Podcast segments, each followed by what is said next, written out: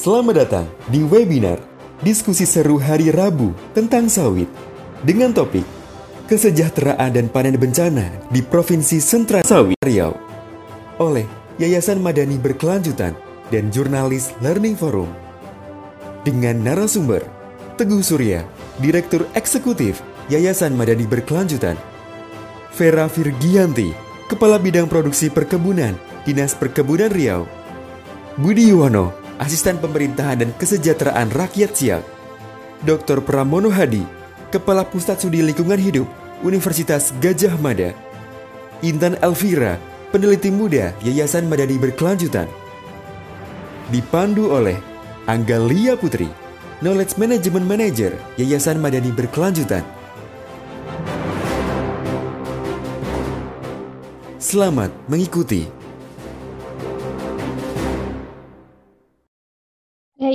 Assalamualaikum warahmatullahi wabarakatuh. Selamat siang Bapak dan Ibu sekalian. Selamat datang di acara Diserbu Sawit, diskusi seru setiap Rabu tentang sawit yang saat ini telah menginjak edisi ketiga. Nama saya Anggi, saya akan menjadi moderator pada hari ini. Sebelumnya terima kasih banyak atas kehadiran Bapak dan Ibu di tengah menjalankan ibadah di bulan Ramadan, eh, juga di tengah pandemi. Semoga tetap sehat, semangat, dan terinspirasi ya Bapak dan Ibu. Uh, Diserbu Sawit sendiri adalah sebuah lingkar belajar bagi para pihak untuk bersama-sama memperbaiki tata kelola sawit di Indonesia, di mana kita bisa saling berbagi insight atau pandangan mendalam terkait sawit. Nah, kali ini kita akan lebih banyak berbincang-bincang dibandingkan edisi-edisi sebelumnya, karena nanti hanya akan ada satu pemaparan, dan kemudian kita akan bisa menggali dari para narasumber yang ada tentang Riau, provinsi dengan luas sawit terbesar di Indonesia, tapi juga salah satu yang paling terdampak oleh karhutlah setiap tahunnya. Topik yang akan kita perbincangkan hari ini adalah kesejahteraan dan panen bencana di Provinsi Sentra Sawit. Nah, untuk itu telah hadir bersama kita semua Ibu Vera Virgianti Shut MM, Kepala Bidang Produksi Perkebunan Dinas Perkebunan Riau sebagai wakil dari Bapak Bupati eh Bapak Gubernur Riau, maaf. Selamat datang Ibu Vera, terima kasih waktunya. Telah hadir juga bersama kita Bapak Budi Yuwono, Asisten Bupati Siak Bidang Pemerintahan dan Kesejahteraan Rakyat. Terima kasih Bapak. Juga Bapak Dr. Pramono Pramono Hadi MSc, Kepala Pusat Studi Lingkungan Hidup Universitas Gajah Mada. Selamat datang Bapak. Dan tentu saja dari Yayasan Madani Berkelanjutan telah hadir Bapak Muhammad Teguh Surya selaku Direktur Eksekutif Madani dan peneliti muda Madani Saudari Intan Elvira atau Ira yang akan memantik bincang-bincang kita kali ini dengan pemaparan insight terkait sawit, kesejahteraan, dan bencana di Riau. Nah untuk itu kepada Saudari Ira saya persilakan pemaparannya, waktunya 15 menit ya. Baik, terima kasih atas waktunya. Nama saya Intan Elvira. Pada kesempatan ini saya ingin memaparkan hasil temuan kami uh, yang dikemas dalam presentasi berjudul Kesejahteraan dan Panen Bencana di Provinsi Sentra Sawit. Hmm, next. Oke. Okay. Baik, selama satu tahun belakang, Madani tengah berupaya untuk membuat suatu uh, menyusun insight terkait kondisi sawit dan hubungannya dengan masyarakat maupun dengan dampak lingkungan. Seperti yang kita ketahui, Provinsi Sawit itu sendiri memiliki tutupan lahan sawit terluas se-Indonesia. Setidaknya per tahun 2018 ada 3,4 juta hektar luas lahan sawit di Riau. Uh, adapun kabupaten dengan area tanam sawit terluas dapat dilihat pada grafik di sebelah kanan. Dengan kabupaten paling um, memiliki areal tanam sawit terluas adalah Kabupaten Kampar. Uh, persepsi yang muncul adalah sawit itu mensejahterakan. Namun di sisi lain, hasil temuan kami menunjukkan ada dampak lain dari sawit uh, yang tidak dapat dihindari tentunya. Uh, adapun dampak tersebut berupa bencana ekologis, kemiskinan, dan rawan pangan. Oke. Okay. Uh, pada kesempatan kali ini, saya ingin memaparkan hasil temuan utama kami. Lengkapnya ini ada enam topik ya, dapat dilihat di slide berikut. Uh, cara yang kami lakukan adalah dengan menyandingkan data berupa data tabular dan berupa data spasial yang bersumber dari uh, instansi pemerintah dan data yang dimiliki oleh kelompok masyarakat sipil. Oke, pada pembahasan pertama ini kita akan membahas bagaimana urgensi diversifikasi komoditas di Riau. Cara yang dapat dilakukan adalah dengan mengetahui seberapa signifikansi luas sawit dibandingkan dengan komoditas lain dan juga dibandingkan dengan lahan pertanian. Dapat dilihat dari dua grafik tersebut yang berwarna hijau itu adalah luas lahan sawit. Uh, tentu saja sawit sangat mendominasi di antara komoditas perkebunan lain dan juga luas lain pertanian. Lantas, apakah signifikansi luas perkebunan sawit di Riau tersebut berkontribusi pada kesejahteraan masyarakat dan ketahanan pangan di Riau? Oke, okay. uh, terkait dengan kesejahteraan, tolak ukur yang sering digunakan BPS adalah dengan menggunakan proporsi pengeluaran rumah tangga per bulannya untuk pengeluaran makanan dan juga non-makanan. Nah, suatu masyarakat itu dikatakan sejahtera apabila uh, pengeluaran untuk kebutuhan non makanannya lebih tinggi dibandingkan dengan pengeluaran uh, untuk kebutuhan makanannya. Dapat dilihat dari tujuh kabupaten tersebut, enam di antaranya belum sejahtera karena pengeluaran uh, untuk makanannya sendiri itu lebih besar dibandingkan dengan pengeluaran untuk non makanannya. Hanya Kabupaten Siak saja yang pengeluaran non makanannya melebihi dari uh, pengeluaran untuk makanannya. Artinya, pendapatan yang mereka dapatkan itu di enam kabupaten tersebut hanya mampu untuk mencukupi kebutuhan dasar saja. Sementara apabila dilihat dari aspek ketahanan pangan, empat dari tujuh kabupaten tersebut teridentifikasi rawan pangan. Sementara dua kabupaten lainnya berada di spektrum tahan, ketahanan pangan yang rendah. Lagi-lagi hanya siak saja yang lebih baik, yaitu uh, mempunyai spektrum tahan pangan yang sedang. Uh, dapat kita asumsikan, uh, nggak ada, dapat ditarik kesimpulan, signifikansi luas lahan sawit itu, uh, luas lahan sawit Riau itu belum berkontribusi pada tingkat kesejahteraan dan ketahanan pangan suatu daerah. Nah, harus diperhatikan bergantungnya pada suatu komoditas tentu akan sangat berisiko tinggi apabila kestabilan komoditas tersebut terganggu. Slide selanjutnya ini uh, untuk melihat kontribusi sawit terhadap pembangunan desa, kami menggunakan uh, kami menyandingkan data desa yang teridentifikasi memiliki HGU sawit dengan status indeks pembangunan dari Kementerian Desa. Nah, menurut Kemendesa sendiri itu ada dua uh, terminologi, yaitu desa yang menerima manfaat optimal dan desa yang belum mendapatkan manfaat optimal. Apa sih desa yang sudah mendapatkan uh, manfaat optimal? Nah, desa yang sudah mendapatkan optimal itu yang berstatus desa mandiri dan desa maju. Sedangkan desa yang belum mendapatkan manfaat optimal itu desa yang berstatus uh, ber, desa berkembang, desa tertinggal, dan desa sangat tertinggal. Dapat dilihat dari dua grafik ini, hasilnya hanya 13% saja dari desa-desa tersebut yang menerima manfaat optimal. Sedangkan 87% desa lainnya belum menerima manfaat yang optimal. Nah, sawit di Riau belum berkontribusi secara maksimal terhadap pembangunan desa di sekitarnya. Padahal sawit di Riau itu sendiri tuh sudah dikembangkan pada akhir tahun 70-an. Ya, berarti itu sudah hampir 40 tahun. Tuh.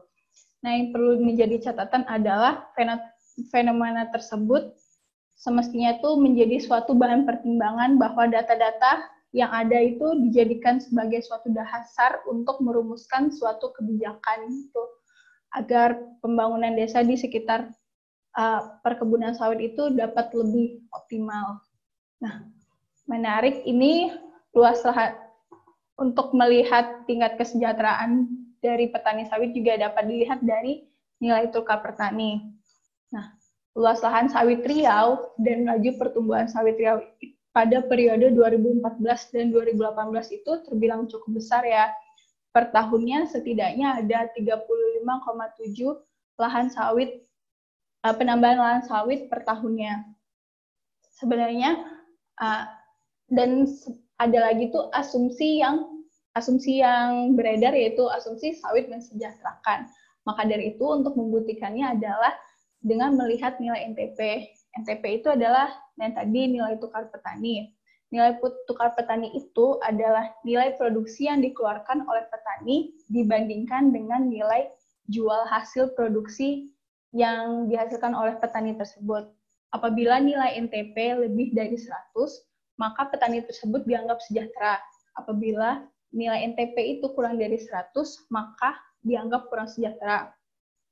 Dapat dilihat dari grafik tersebut, uh, Provinsi Riau sendiri itu di, dari periode 2014 hingga 2018 hanya satu tahun Riau um, nilai NTP-nya berada di atas 100 atau sejahtera yaitu pada tahun 2017.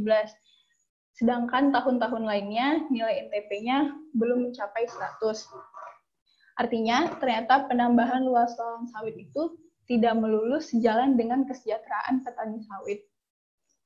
Nah, semestinya permasalahan yang harusnya diselesaikan itu kalau mau mensejahterakan petani bukan menambah luas lahan sawit, tapi semestinya hal-hal yang urgent yang harus dibereskan tuh yang menyangkut dengan legalitas dan produktivitas serta jaminan kestabilan harga sawit sendiri. Nah, ini uh, salah satu sorotan utama yang dipaparkan dalam presentasi ini adalah keterkaitan antara hilangnya tutupan hutan dengan frekuensi kejadian bencana ekologis. Bencana ekologis itu sendiri terdiri dari empat bencana yang kami uh, analisis di sini, yaitu bencana banjir, longsor, kekeringan, dan puting beliung. Dapat dilihat dari grafik di sini, grafik deforestasi itu memiliki tren di mana pada awal periode itu nilainya tinggi dan pada akhir periode itu trennya selalu menurun. Sedangkan grafik frekuensi itu dia di awal periode dia nilainya kecil. Nah, tapi trennya meningkat di akhir periode. Jadi itu puncak hilangnya tutupan hutan dan puncak kejadian bencana ekologis di Kabupaten Riau ini memiliki rentang perbedaan sekitar 2 sampai 3 tahun. Terus tuh sayangnya di antara semua pola tersebut periode tahun 2017 hingga 2019 itu periode memanen bencana ekologis yang dituai dari hilangnya tutupan hutan pada kurun waktu 2011 dan 2015. Jadi uh, jadi itu deforestasinya memang sudah terjadi di uh, dua tahun sebelum puncak kejadian frekuensi bencana dan itu polanya selalu sama. Jadi misalnya tahun 2012 itu nilai deforestasinya tinggi, maka frekuensi bencana yang tingginya itu dalam rentang waktu 2 sampai 3 tahun setelahnya. Ah, ya, berikut ini itu tentang desa di sekitar perkebunan sawit dan kerawanan bencana. Bencana yang ada di desa sekitar kebun sawit itu terdiri dari empat, yaitu karhutla, kekeringan, banjir, dan longsor. Proporsi bencana yang terbesar itu karhutla dan kekeringan masing-masing itu 43,2 persen dan 40 persen. Nah, hasil temuan kami itu menunjukkan 8 dari 10 desa di sekitar perkebunan sawit Riau memiliki kerawanan bencana ekologis. Atau secara umum 80% dari total desa yang ada di uh, Riau itu teridentifikasi rawan bencana ekologis. Namun, yang menjadi catatan adalah dari desa-desa tersebut yang memiliki kapasitas manajemen bencana hanya 15% atau sejumlah 76 desa dari total keseluruhan desa yang berada di sekitar perkebunan sawit. Artinya, masih minim desa berkapasitas manajemen bencana. Padahal ancaman kerawanan bencana di desa tersebut dapat dapat mengancam keberlangsungan hidup masyarakat. Dapat dilihat pada kasus Kampar itu desa yang memiliki uh, yang memiliki kerawanan kekeringan itu ada 110 desa, di mana 110 desa itu tuh uh, proporsinya tuh 90% dari total desa yang berada di sekitar perkebunan sawit di Kampar.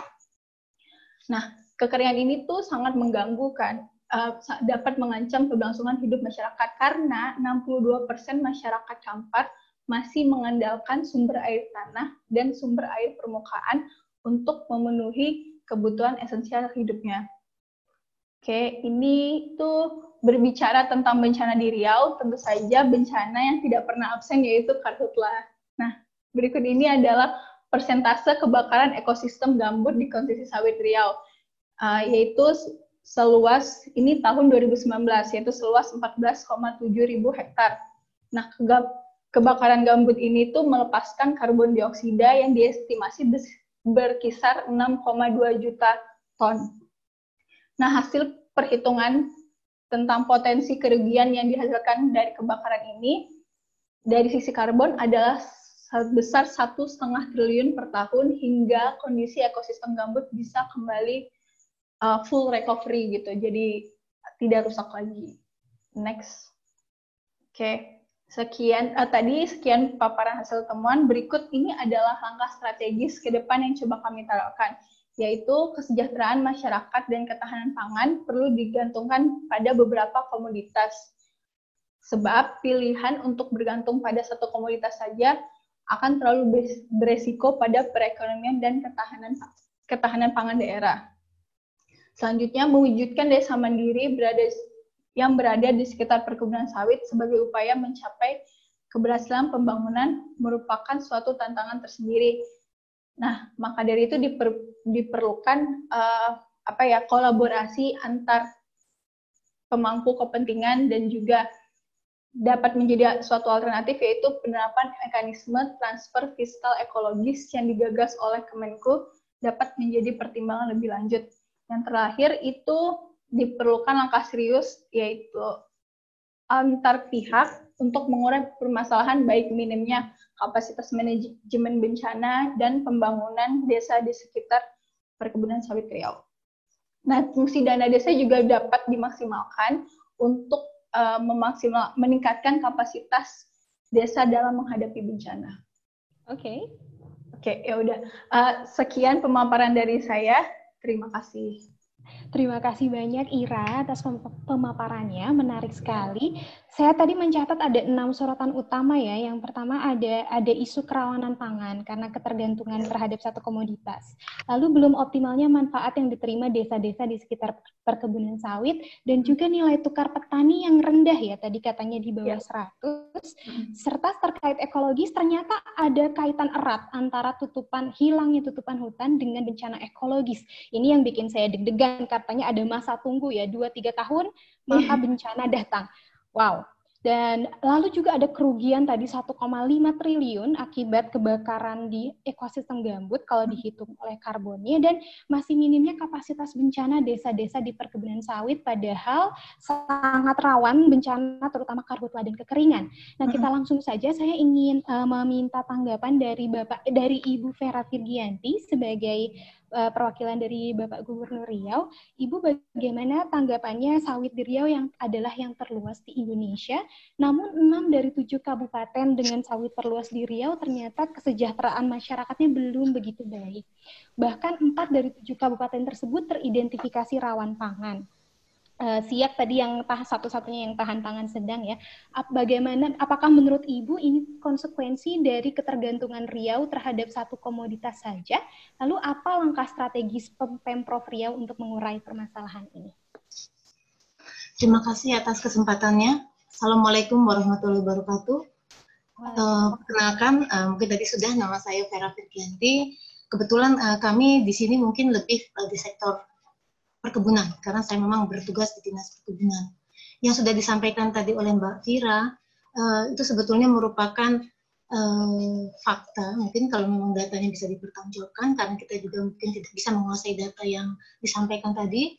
Uh, memang sawit sudah menjadi uh, komunitas strategis dan yang terbesar di provinsi Riau tidak bisa kita pungkiri.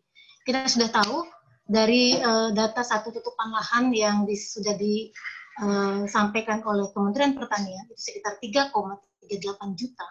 Itu dua setengah jutanya yang berada di kawasan perkebunan.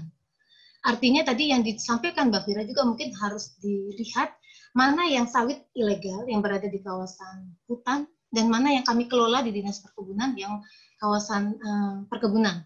Itu mungkin uh, saya lihat masih tercampur. Kita memang bicara sawit di sini berkelanjutan artinya kita memang harus membereskan yang berada di dalam kawasan hutan. Itu yang pertama. Karena kalau itu tidak bisa kita bereskan, tidak ada artinya kita melakukan uh, perbaikan-perbaikan tata kelola yang sekarang kita sudah tahu sudah uh, terbit peraturan presiden nomor 44 tahun 2020 terkait ISPO, sertifikasi ISPO. Di Riau ini sudah 117 perusahaan lembaga, itu yang 111-nya perusahaan dan enamnya koperasi yang sudah mendapatkan sertifikasi ISPO. Dengan sertifikasi ISPO itu artinya kita eh, pemerintah sudah memberikan eh, melegitimasi bahwa perusahaan atau lembaga tersebut sudah diyakini melakukan pengelolaan perkebunan yang berkelanjutan. Tetapi ini memang sangat sedikit dibandingkan dengan perusahaan perkebunan yang ada di Provinsi Riau yang diperkirakan berdasarkan hasil dari kami melakukan uh, inventarisasi melalui kegiatan Sanas PK itu sekitar 383 perusahaan.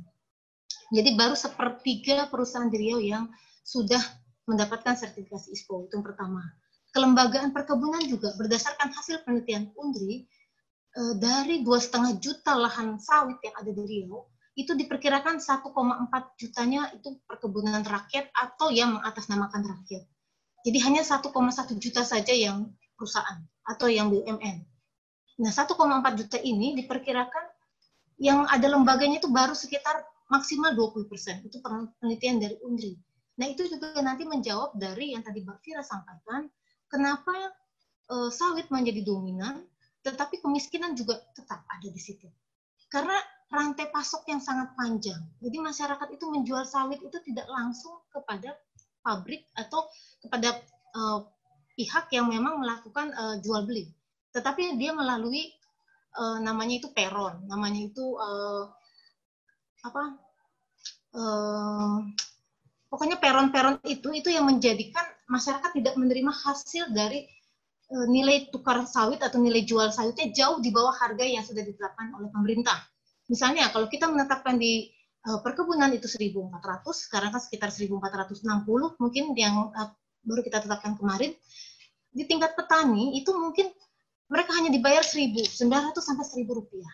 Karena mereka tidak langsung menjualnya kepada pabrik. Karena apa? Karena kelembagaan yang dibentuk itu masih sangat rendah. Kalau mereka berlembaga, mereka mungkin bisa melakukan kerjasama langsung dengan pabrik. Uh, peraturan Menteri Pertanian nomor 1 tahun 2018 itu sudah mengamanahkan pemerintah dalam hal ini bupati untuk melakukan membantu petani melakukan me,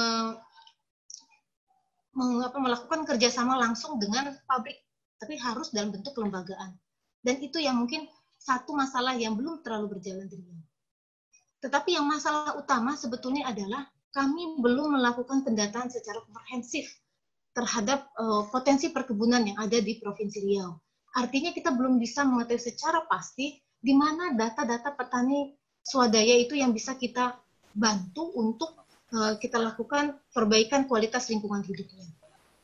Kita tahu bahwa uh, Pak Gubernur sudah banyak melakukan kegiatan atau uh, program untuk melakukan perbaikan tata kelola sawit di Provinsi Riau. Kegiatan pertama adalah melakukan penertiban perizinan usaha perkebunan. Itu yang ada di kegiatannya di Dinas Perkebunan.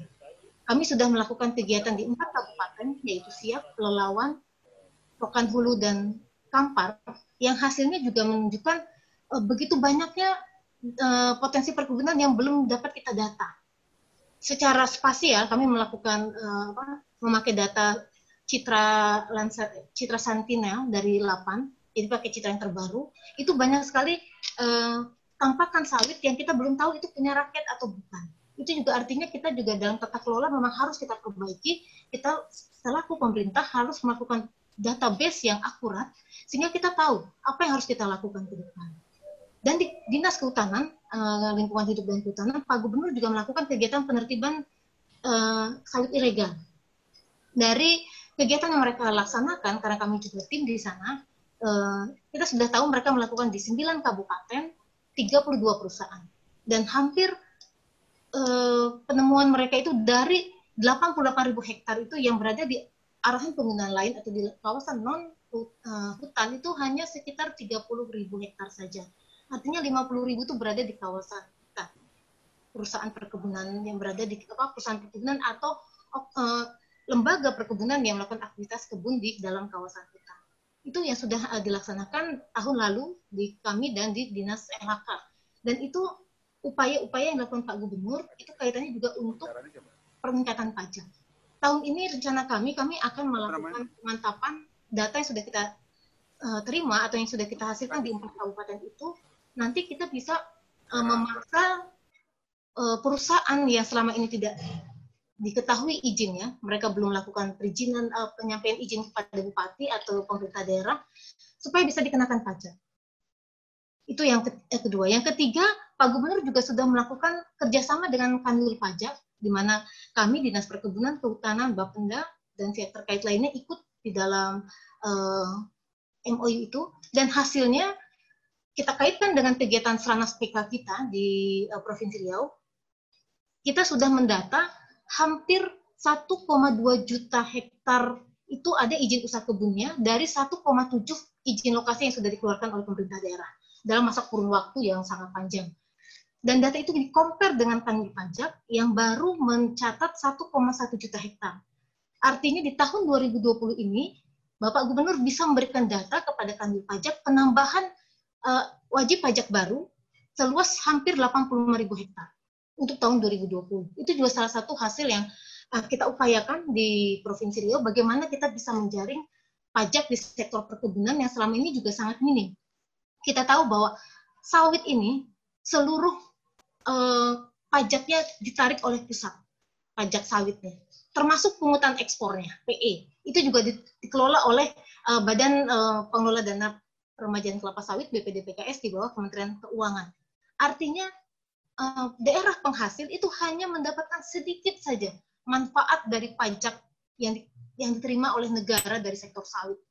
Hanya mendapatkan dari PBB P3 yang da, angkanya sangat sedikit dibanding uh, kalau kita bandingkan dengan data ekspor yang uh, sudah kita terima, kita ambil datanya dari Kemenko, di mana ekspor itu sangat hampir 48 uh, eh, triliun kalau nggak salah, itu hampir 30 sampai 40 persen dari Riau. Tetapi kita pajak paling nggak nyampe mungkin 30 miliar, mungkin 60 miliar dia dari sawit ya, saya juga ambil datanya. Nah, jadi artinya juga uh, pemerintah daerah memang dalam dalam posisi yang sulit karena kita tahu bahwa dampak dari industri sawit yang sangat besar di Riau ini pasti ada dampak ekonomi, sosial, dan ekologis. Tetapi yang kebermanfaatannya dari pajak e, di sektor ini itu sebagian besar ada di negara di pusat. Makanya kami dalam beberapa waktu yang lalu di bulan Februari sudah melakukan e, mengundang 32 gubernur penghasil sawit untuk menuntut DBH sawit. Karena selama ini kita tidak pernah merasakan. Padahal kita butuh dana di APBN, APBD untuk bisa mengembalikan lagi uh, apa yang menjadi uh, apa resiko dari kegiatan pengelolaan sawit ini untuk bisa kita perbaiki melalui dana daerah.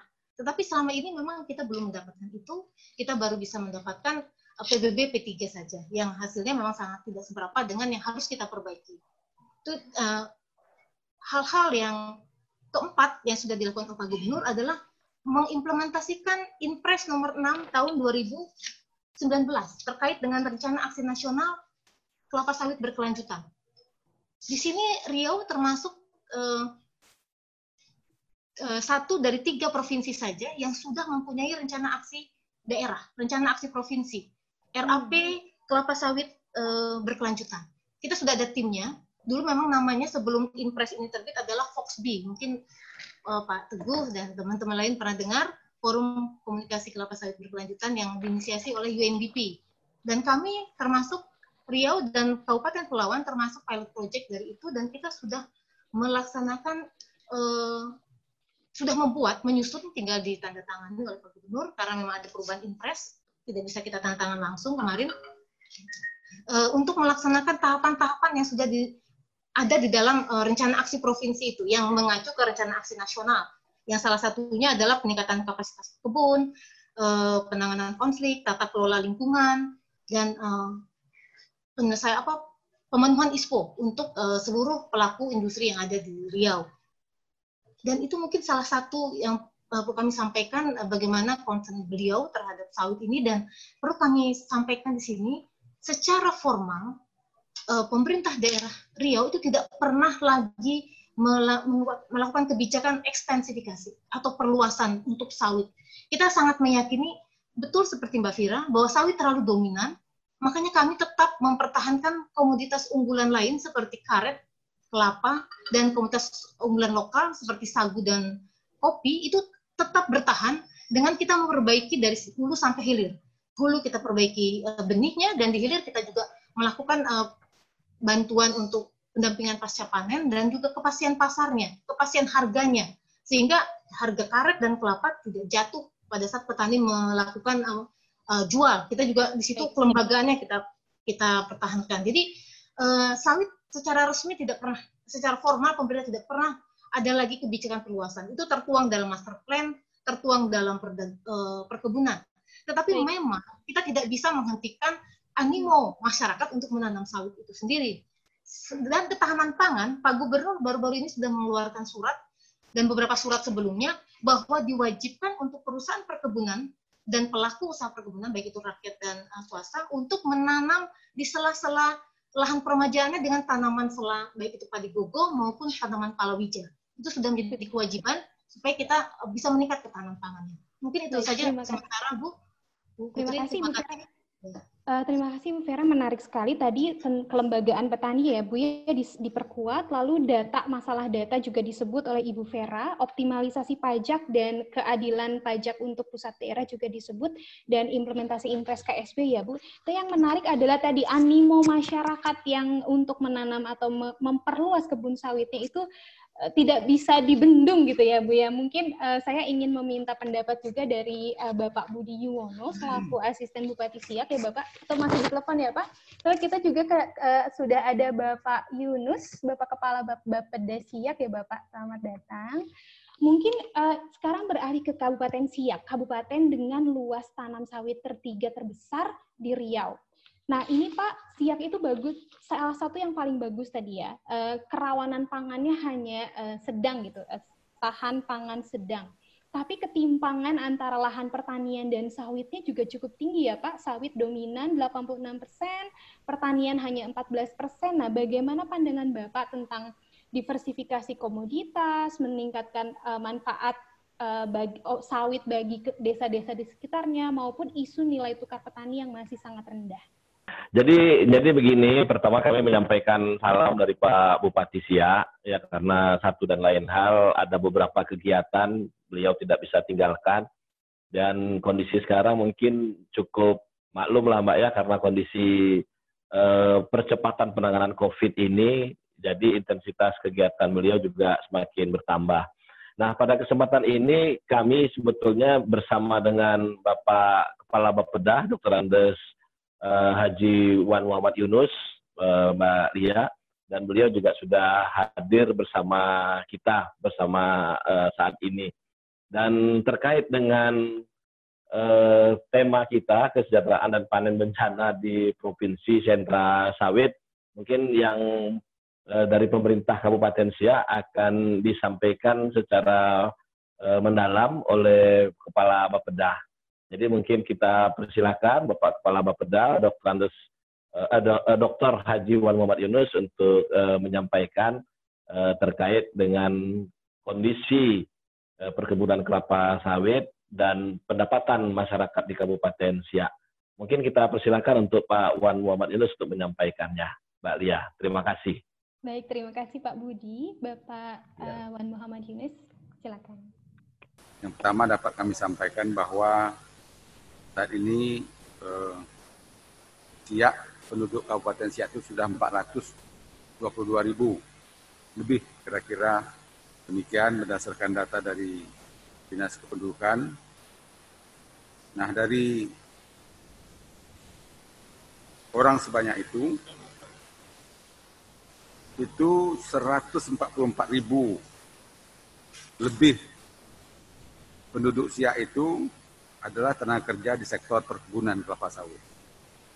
Jadi begitu pentingnya kelapa sawit bagi penduduk Siak ini, hampir separuh dari penduduk Kabupaten Siak itu itu memang tercatat sebagai tenaga kerja yang bekerja di sektor perkebunan sawit. Nah, perkebunan rakyat misalnya, kalau kita lihat, itu 69 ribu lebih orang. Berarti ini kan juga, orang ini kan kepala keluarga juga. Dia juga me, me, apa, menghidupi keluarganya, kecuali yang belum berkeluarga kan, yang sudah berkeluarga pasti dia menghidupi keluarganya. 69 ribu orang itu adalah tenaga kerja di sektor kelapa sawit. Kemudian di perkebunan besar negara, PTPN misalnya, sekitar 3 ribu orang. Kemudian perkebunan besar swasta, sekitar 71 ribu orang lebih. Jumlahnya 144 ribu orang. Nah, jadi kalau kita lihat, kembali ayat ini. Kalau kita lihat dari eh, PDRB Kabupaten Siak, kalau kita lihat dari sektor ekonomi, dari perekonomian Kabupaten Siak, itu 20 persen lebih PDRB Kabupaten Siak itu itu disumbangkan oleh sektor pertanian, kehutanan dan perkebunan dan perikanan. Pertanian ini termasuk perkebunan sawit dan perkebunan sawit lah yang paling mendominasi sektor pertanian ini. Nah, dia adalah tiga sektor yang eh, terbesar yang menyumbang PDRB Kabupaten Siak tahun 2019 dan tahun-tahun sebelumnya juga seperti ini. Nah, kita bayangkan kalau misalnya ada persoalan di sektor pertanian khususnya di perkebunan sawit ini, maka ekonomi Siak ini langsung guncang bisa bisa pertumbuhan ekonomi kita tidak terjadi gitu. dan stagnan ekonomi siap bisa stagnan begitulah pentingnya eh, sawit bagi eh, Kabupaten Siak. Nah kalau kita lihat apa namanya itu eh, produksi juga produksi kebun sawit rakyat.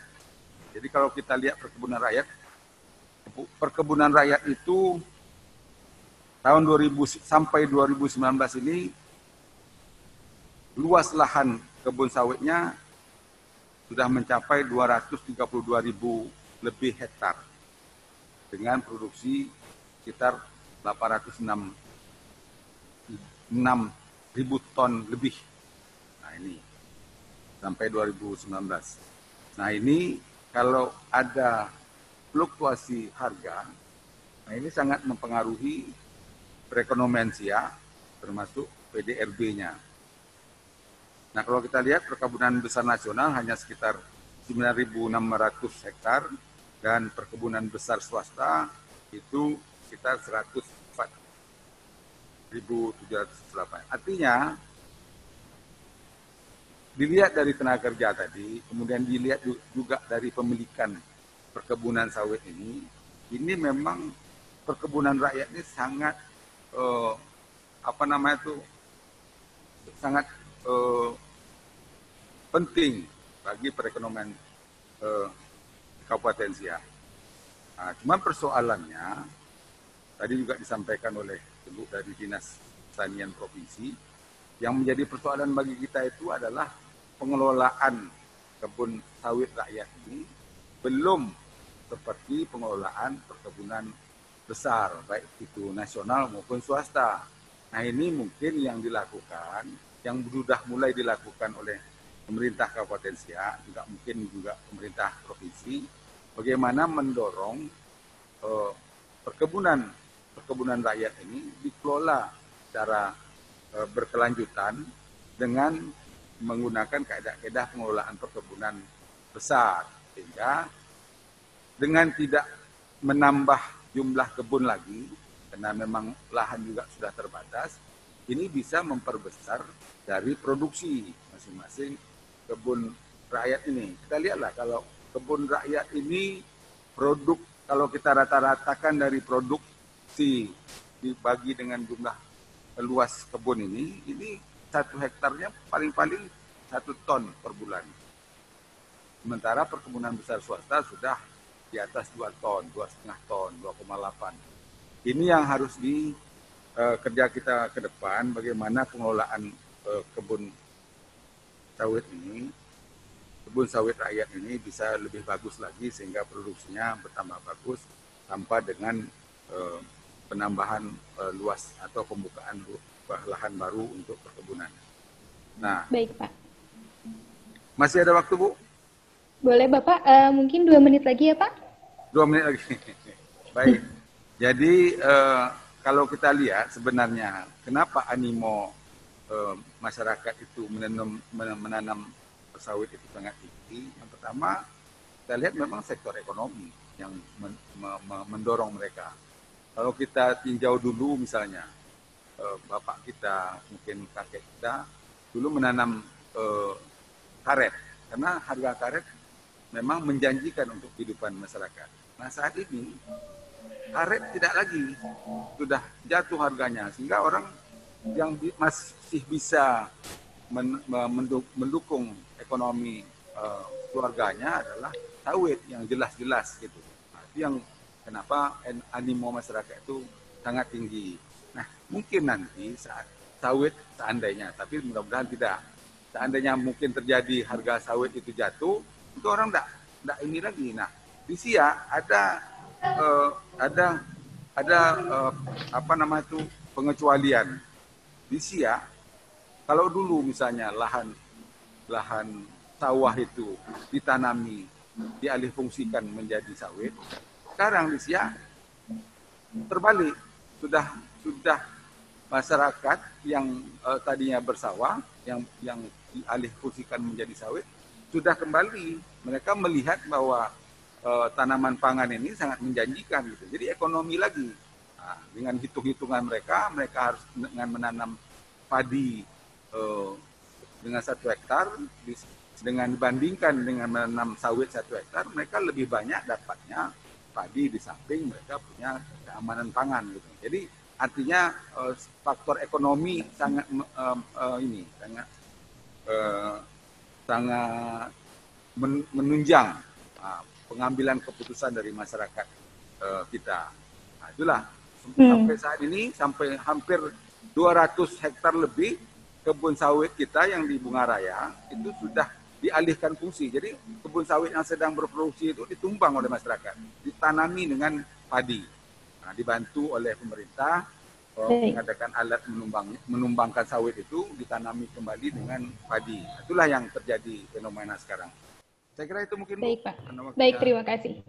Terima kasih Bapak uh, Wan Muhammad Yunus. Terima kasih banyak kan kita ingin ingin lebih menggali ya dari perbincangan ini kepada uh, narasumber lainnya. Tadi saya menarik tadi ada yang menjadi poin uh, mungkin bisa dibilang poin perdebatan apakah ketergantungan terhadap satu komoditas ini sesuatu yang tidak bisa kita ubah atau sebenarnya harus diubah Uh, mungkin saya ingin mendengarkan pandangan dari pertama Bapak Muhammad Teguh Surya dari Madani, kemudian selanjutnya Bapak Dr. Pramono Hadi, mungkin ya Pak dilihat dari mitigasi bencana, sebenarnya ini sesuatu yang baik atau tidak sih ketergantungan yang sangat tinggi terhadap satu komoditas sawit? Mungkin Bapak Muhammad Teguh Surya bisa menjelaskan pandangan Madani.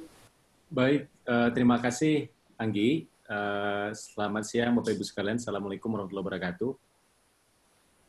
Uh, secara sederhana sebenarnya pertanyaan dari Anggi sudah terjawab oleh kepala Bapak tadi Pak Haji Muhammad Yunus bahwasannya bergantung pada satu komoditas saja itu rentan dalam konteks ekonomi dan uh, sektor perlantanan terutamanya.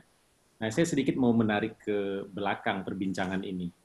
Pertama, uh, Indonesia itu kan negara eksportir nomor wahid ya untuk minyak sawit minyak sawit dunia. Dan Riau itu provinsi sawit dengan uh, sawit terluas. Tapi tingkat sejahteranya masih rendah dan miskin. Ini tentu pasti ada yang salah di sini. Ini persoalan. Ini sebenarnya akar persoalan yang ingin kita bahas di sini. Jika memang sawit dianggap penting, sekian ribu atau sekian juta orang bergantung, tapi kenapa kita sebagai negara eksportir terbesar di dunia yang menguasai 54,6 persen perdagangan minyak sawit dunia, itu daerah-daerahnya sampai ke desa masih hidup dalam keadaan miskin rawan pangan. Ini tentu ada yang salah. Nah, sehingga harus dikoreksi. Karena data yang kami eh, dapatkan itu tahun 2018 saja Indonesia tuh memproduksi 62 persen minyak sawit dunia. dan mengekspor atau menguasai mengekspor sekitar 27,9 juta ton ya. Itu persoalan. Nah, kami khawatir uh, Pak uh, Kepala Bapeda, Pak Budi, Pak Pramono dan Ibu Wira bahwasannya pembangunan model pembangunan sawit dan ekonomi yang kita jalankan selama ini itu tidak melalui proses koreksi mendalam. Jadi penyusunan RPJMD dan seterusnya itu hanya sebagai rutinitas. Kenapa? Karena dengan data pemerintah saja yang tersedia hari ini bisa diakses publik, kalau kita baca dan kita kaitkan di satu sama lainnya, kelihatan bagaimana sebenarnya bisnis yang sudah menggurita selama 40 tahun ini itu omong kosong memberikan uh, apa keuntungan ekonomi kepada rakyat banyak. Ini pernah kami bahas juga sebelumnya di Provinsi Kalbar ya. Nah, Riau ini kan sekitar 40 tahun sudah sudah berproduksi uh, sawitnya ya, sudah berbisnis sawit itu sekitar 40 tahun gitu di awal 80-an. Tetapi akan menjadi aneh sekali lagi menjadi aneh tingkat kesejahteraan uh, masyarakatnya masih jauh di bawah rata-rata dan rawan pangan. Nah, lain di sini kami melihat Pertama, aturan perundang-undangan yang ada saat ini atau yang mengatur tentang uh, kepentingan bisnis sawit ini itu belum menyasar uh, persoalan mendasar yang dapat menguntungkan masyarakat di daerah. Jadi persis dia hanya menyisir persoalan permukaan yang sebenarnya sangat sangat ber, berkaitan erat dengan pengusaha. Sertifikasi itu kalau kita mau jujur hari ini terlihat bagus pembangunan sawit berkelanjutan memang begitu, tetapi apakah sertifikasi berkontribusi pada ya, pertumbuhan ekonomi di tingkat masyarakat, peningkatan kesejahteraan? Jawabannya belum tentu iya gitu. Karena dari data yang kita kaji ini adalah di mana saat proses sertifikasi masih terseok-seok baik RSPO ataupun ISPO. Jadi ini harus dikaji. Nah, kami melihat ada beberapa persoalan yang harusnya menjadi koreksi jika memang kita masih berharap sawit ini menjadi salah satu pilar ekonomi di masa mendatang. Nah, ada tiga hal yang saya korek, yang ingin saya koreksi di sini. Salah satu tadi sudah disebutkan oleh uh, Ibu Vira ya, itu pajak. Pajak ini persoalan besar, persoalan nasional dan persoalan daerah. Dan tidak pernah dibincangkan bagaimana mungkin kita menguasai pasar uh, sawit tapi pajaknya amburadul gitu. Jujur, saya asli dari Riau dan Riau ini unik. Sebelum masa kemasan sawit kita sudah melewati dua masa kemasan lainnya dalam konteks ekstraksi sumber daya alam. Itu masa kemasan migas dan HPH. Jadi begitu pentingnya migas bagi Republik ini, tapi apakah Riau kaya dengan migas? Tidak. Satu lagi salah satu persoalannya adalah pajak gitu. Bagi hasilnya nggak jelas. Gitu. Yang kedua HPH. Ketika saya kecil sampai dengan pindah ke Jakarta gitu ya, itu mobil balak itu gede-gede banget itu, lewat setiap hari gitu. Dan Riau terkenal salah satu penghasil uh, kayu cukup besar di Indonesia. Tapi apakah kemudian Riau juga kaya, masyarakatnya sejahtera? Tidak. Bahkan sebelum Kabupaten Siak eh, menjadi kabupaten sendiri gitu ya, masih waktu itu sama dengan Kabupaten Bengkalis, perubahan yang terjadi Siak tidak ada hubungannya dengan masa keemasan HPH atau migas gitu. Bahkan yang terdapat hari ini kalau kasus migas ya kerak-keraknya saja yang sampai ke daerah. Ini harus menjadi koreksi. Satu pajak. Jadi kalau menurut kami beranilah bernegosiasi dengan pusat, beranilah melakukan tawar-menawar bahwasannya pajak ini isu penting. Kalau tadi di, di chat room webinar ada pendapat lain dari Pak Darto, kami pikir itu layak dipertimbangkan bagaimana petani yang bagian dari warga negara ini, bagian dari masyarakat ini bisa bahu-membahu dengan pemerintah daerah melakukan negosiasi yang adil. Gitu. Itu satu. Yang kedua, persoalan kedua, kalau terkait dengan inti plasma ya, itu pola kemitraan yang terjadi antara plasma dan uh, inti itu tidak memenuhi prasyarat kesetaraan keterbukaan dan keadilan. Jadi timpang antara dalam sistem kontrak kerjasamanya itu timpang antara inti dan plasma. Makanya selama ini uh, petani plasma itu selalu dirugikan. Dan persoalan ketiga itu petani mandiri ini untuk uh, petani mandiri ya itu mengalami kesulitan untuk apa dalam hal akses pasar, modal minimnya pengetahuan serta ketampilan untuk dan akses teknologi. Nah, yang menjadi akar persoalan di sini apa gitu? Legalitas. Jadi layaknya pemerintah Provinsi Riau, Kabupaten Siak dan eh, kabupaten-kabupaten sentral lainnya mengurus utamakan penyelesaian masalah legalitas lahan di tingkat petani. Karena kalau enggak, maka di tahun ke-50 ya mungkin data ini masih tidak jauh berbeda akan akan akan sama. Nah, kami menawarkan, tadi itu persoalannya, problem statementnya Nah, di Madani, melihat situasi ini, tentu kami ingin berkontribusi. Apa yang bisa kami lakukan ketika berada jauh dari dari Riau? Nah, sejak enam bulan yang lalu, Wandani aktif melakukan kajian-kajian seperti ini. Sebenarnya harapannya, besar harapannya, ini bisa menjadi kajian-kajian kami lakukan ini bisa menjadi model pendekatan baru untuk melihat lebih tepat arah pembangunan ekonomi ke depan, khususnya yang berbasis lahan. Dan layak menjadi bahan pertimbangan bagi uh, gubernur, kemudian uh, eh, SKPD SKPD terkait dan uh, rujukan uh, kabupaten. Nah, sebagai tambah informasi, uh, kami juga sedang sudah uh, mengembangkan model yang kita sebut dengan Palm Oil Analytic Data Intelligence yang harapannya dalam waktu dekat ini bisa diluncurkan publik dan bisa bermanfaat bagi daerah, bagi bermanfaat bagi daerah. Nah, kami singkat dengan PADI ya, Palm Oil analitik data intelijen ini kita sebut dengan PADI. Nah, ini sistem yang dikembangkan kalau kita masukkan variabel-variabel pembangunan tadi, sawit, eh, IDM, dan seterusnya, dan seterusnya, bencana, maka akan kelihatan seperti apa kondisi pembangunan hari ini dan kebijakan apa yang harus diambil ke depan. Nah, ini sebagai kontribusi kami bagaimana ke depan model pembangunan, rencana pembangunan jangka panjang, menengah, dan seterusnya itu memang berlandaskan dan melakukan koreksi terlebih dahulu atas proses-proses pembangunan telah terjadi. Sehingga kita nggak mengulangi kesalahan. Cukuplah kita luluh lantak ya di zaman kemasan migas dan HPH, di zaman sawit ini kita harus bangkit, Pak. Saya pikir itu. Terima kasih, uh, Anggi. Terima kasih, Mas Teguh. Tadi saya catat ada tiga ya, pajak, legalitas lahan, lagi ya, tapi ini menarik sekali. Jadi tadi ada berbagai pandangan tentang apakah ketergantungan terhadap sawit itu adalah sesuatu yang uh, tidak bisa diubah atau harus diubah. Lalu bagaimana caranya supaya masyarakat tidak menjadi yang paling kalah di depan.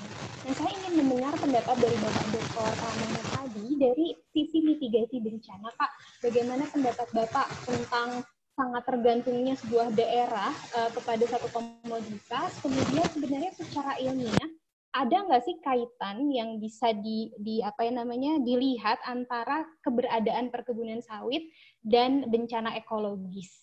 Monggo Bapak. Oke, uh, terima kasih. Assalamualaikum warahmatullahi wabarakatuh, Bapak Ibu semua yang saya hormati. Uh, tadi menarik sekali uh, perjalanan dari uh, sawit, ekonomi perkebunan dan sebagainya. Terakhir justru uh, Pak Teguh menggarisbawahi eh, Pak uh, ya Pak Teguh menggarisbawahi uh, bahwa uh, terkait dengan kekayaan uh, alam mulai dari migas, HPH, sekarang sawit itu kan pada dasarnya uh, sumber daya uh, yang dimiliki oleh Rio, tapi konon kemudian uh, tidak secara signifikan uh, membuat uh, rakyatnya sejahtera. Pasti ada yang salah. Itu kan pertanyaan yang mendasar. Uh, mungkin saya sedikit balik ke belakang. Semua itu kan dasarnya sebenarnya kita eksploitasi sumber daya kan? Itu intinya. Kalau itu tidak imbang, ya konteksnya pasti ada kerusakan lingkungan. Tadi kebakaran hutan dan kekeringan itu kan satu kesatuan sebenarnya. Padahal kita tahu uh, kawasan Rio itu dalam atau secara umum di Indonesia uh, kalau kita lihat uh, pasokan hujannya kan mencukupi. Uh, jadi kita itu sebenarnya dinabobokkan dengan uh, lagunya Plus Plus itu loh, uh, bukan lautan tapi kolam susu itu uh, sebenarnya meninabobokan kita. Artinya apa? Dengan kondisi uh, air yang banyak, kondisi apa namanya matahari yang banyak 8 eh, jam sampai 10 jam, maka proses fotosintesis, proses itu uh, sangat intensif dan itulah sebenarnya uh, yang dimaknai sebagai Indonesia itu kayak raya begitu. Uh, cuma ya, ini menjadi miss, tidak sejahtera rakyatnya dan sebagainya itu menjadi sesuatu yang perlu kita telusuri. Sesungguhnya sejak tahun 2009 itu kita punya Undang-Undang 32 tentang pengaturan lingkungan, pengelolaan dan perlindungan eh, lingkungan hidup. Eh, itu sebenarnya sudah memadai banyak hal, termasuk munculnya AMDAL, munculnya macam-macam. Bahkan yang paling utama di sana eh, disinggung tentang KHS, kewajiban KHS. Tadi Pak Teguh, Pak Teguh Surya mengatakan bagaimana RPJMD sementara ini bagaimana oh, proses uh, uh, rencana pembangunan jangka panjangnya, bagaimana dengan RT RW-nya, apakah sudah uh, dilakukan uh, kajian KHS yang yang saya sebut mungkin komprehensif atau hanya ya yang penting ada saja dokumennya lolos begitu. Mungkin seperti itu. Oleh karena itu ini menjadi menjadi PR kita bersama. Kita harus introspeksi juga uh, sebagai daerah uh, tapi juga uh, kita harus ini masalahnya bukan di daerah semata tapi juga uh, ke pusat. Uh, tentu kita akan melihat kalau kita bicara pajak akan melihat juga daerah-daerah lain yang uh, secara sumber daya itu uh, apa kurang bagus itu juga harus mendapat support dan sebaiknya sebagai NKRI. Nah inilah yang sebenarnya harus kita bicarakan pada level yang lebih strategis di di atas gitulah. Uh, menyikapi uh, tadi uh, tentang tentang uh, seharusnya dengan KHS itu kita bisa mengantisipasi sebenarnya ada uh, bargaining bahkan di KHS itu kan eh, yang diusikkan sebenarnya KRP-nya ya, kebijakannya, eh, rencananya dan programnya, bukan pada tataran eh, eh, proyeknya gitu. Sehingga sesungguhnya kalau ini nggak nggak ada yang nggak beres, pasti kebijakannya perlu dilihat ini. Inilah yang sebenarnya menjadi kunci gitu ya. Nah, kalau saya lihat tadi kembali ke eh, background saya kan tentang geografi, tentang air begitu ya. Mungkin saya akan soroti itu. Eh, kita tahu curah hujan di kawasan Rio itu cukup tinggi dan punya dua musim ya. Kalau kita lihat secara global, kita termasuk eh, global maksudnya global Indonesia begitu. Eh, kawasan Rio itu termasuk kawasan monsun ada dua musim penghujan dan kemarau. Curah hujannya cukup tinggi dan nampaknya kalau itu sampai kemudian muncul kebakaran dan kebakaran itu nanti pasti akan berimbas kepada produktivitas pasti itu. Uh, uh, kalau saya lihat uh, banjir mungkin hanya di siak di mungkin di lowland ya banjir tidak begitu signifikan. Artinya apa? Artinya uh, apalagi kita nanti kita overlay dengan ini data data gambut misalnya tadi kan sumber utamanya dari dari sana gitu ya Nah, kalau kita lihat artinya apa? Artinya eh, kita belum bisa memanage air dalam konteks ini. Pada saat curah hujan turun ya sudah dibiarkan saja eh, air itu mengalir dan kemudian eh, lari ke ke sungai-sungai besar di bawah, Sungai Sia misalnya, dan sudah. Padahal itu air itu air yang sifatnya fresh. Fresh itu bukan air asin. Sesungguhnya manfaatnya besar sekali. Tetapi dibiarkan mengalir ke mana Selat Malaka ya ke laut lah katakan dan sudah dalam konteks land tidak bermanfaat lagi. Nah, inilah yang nampaknya perlu kita coba uh, renungi kita perlu menghold ya menghold sumber air tadi. Nanti kepentingannya banyak ini. Kalau kita punya cadangan air terutama di musim-musim eh, kemarau tadi saya katakan ada dua musim maka eh, rencana-rencana membuat eh, yang notabene selama ini monokultur ya itu pasti rawan. Itu jelas secara sistem juga nggak benar. Eh, kemudian dicoba eh, petani-petani itu bisa memanfaatkan lahan sekitarnya, maka lahan-lahan itulah yang nanti bisa di, di apa ya diasumsi dengan oncoran dengan sistem air yang relatif karena punya sistem storage. Uh, maka kita butuhkan namanya waduk-waduk kecil atau embung-embung dan sebagainya dan ini harus mulai harus mulai di, di apa ya disuarakan dan digerakkan begini. Kalau itu tidak maka konsep pembangunan pengembangan sawit yang katanya sustainable yang katanya tadi punya EPSO tadi apa namanya uh, apa namanya res, uh, sertifikasi tadi yang menjadi hanya uh, susah dilakukan. Itulah yang sebenarnya ingin saya uh, jadi kembali ke dasar ya. Saya yakin di, di, di, di pembahasan KLS nanti akan muncul uh, itu karena itu akan komprehensif. Mungkin itu sebagai pemicu uh, untuk diskusi berikutnya. Monggo silakan Mbak uh, Anggi. Terima kasih Bapak Dr. Pramono Hadi. Mohon maaf tadi saya ada gangguan jaringan jadi saya bergerak sedikit. Nah terkait tadi pertanyaan tentang karhutla dan kekeringan ya Pak, ada pertanyaan dari audiens dari Bapak Krisna Wijaya. Saat ini kita masuk di bulan kelima di mana akan ada prediksi kemarau panjang di bulan keempat dan puncaknya bulan Agustus. Nah, kita tahu Riau itu materialnya gambut yang cukup tebal. Kira-kira apa sih langkah preventif untuk menghadapi kemarau panjang ini di Riau agar komoditas sawit bisa tetap sustain dan meminimalisir kejadian bencana ekologis? Saya ingin bertanya mungkin ke Ibu Vera dulu, lalu ke uh, perwakilan dari pemerintah uh, Siak Ibu Vera, boleh minta pandangannya Ibu tentang prevensi kebakaran? Ada uh, namanya tim gugus tugas yang menangani kebakaran secara terkoordinasi dan uh, satu komando di mana Pak Gubernur Riau sebagai ketuanya. Di situ juga ada nanti Kapolda dan uh, dari TNI dan REM.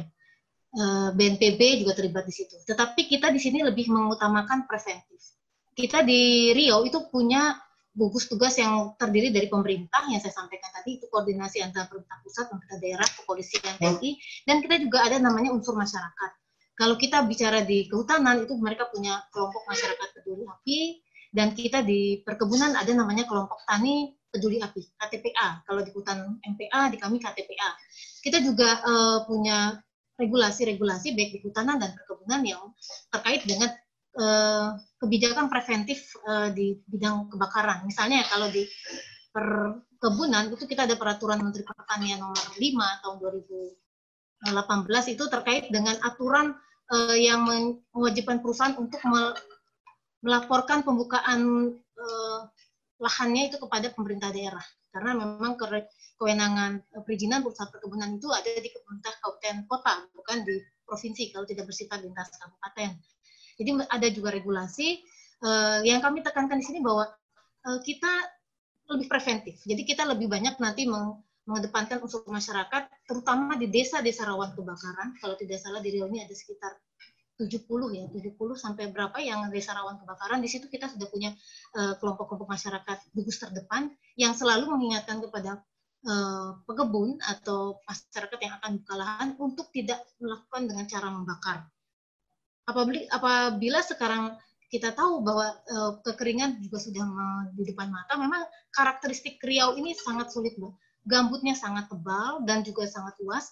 Memang kadang-kadang tidak ada masyarakat pun uh, itu akan terbakar kalau memang ada percikan-percikan uh, yang atau memang ada masyarakat yang tidak sengaja membuang puntung rokok atau apa seperti itu yang melintasi suatu kawasan yang kering itu juga bisa terbakar. Jadi unsur sengaja dan tidak sengaja itu memang bercampur. Tapi memang banyak yang menyatakan bahwa 90% itu karena faktor manusia.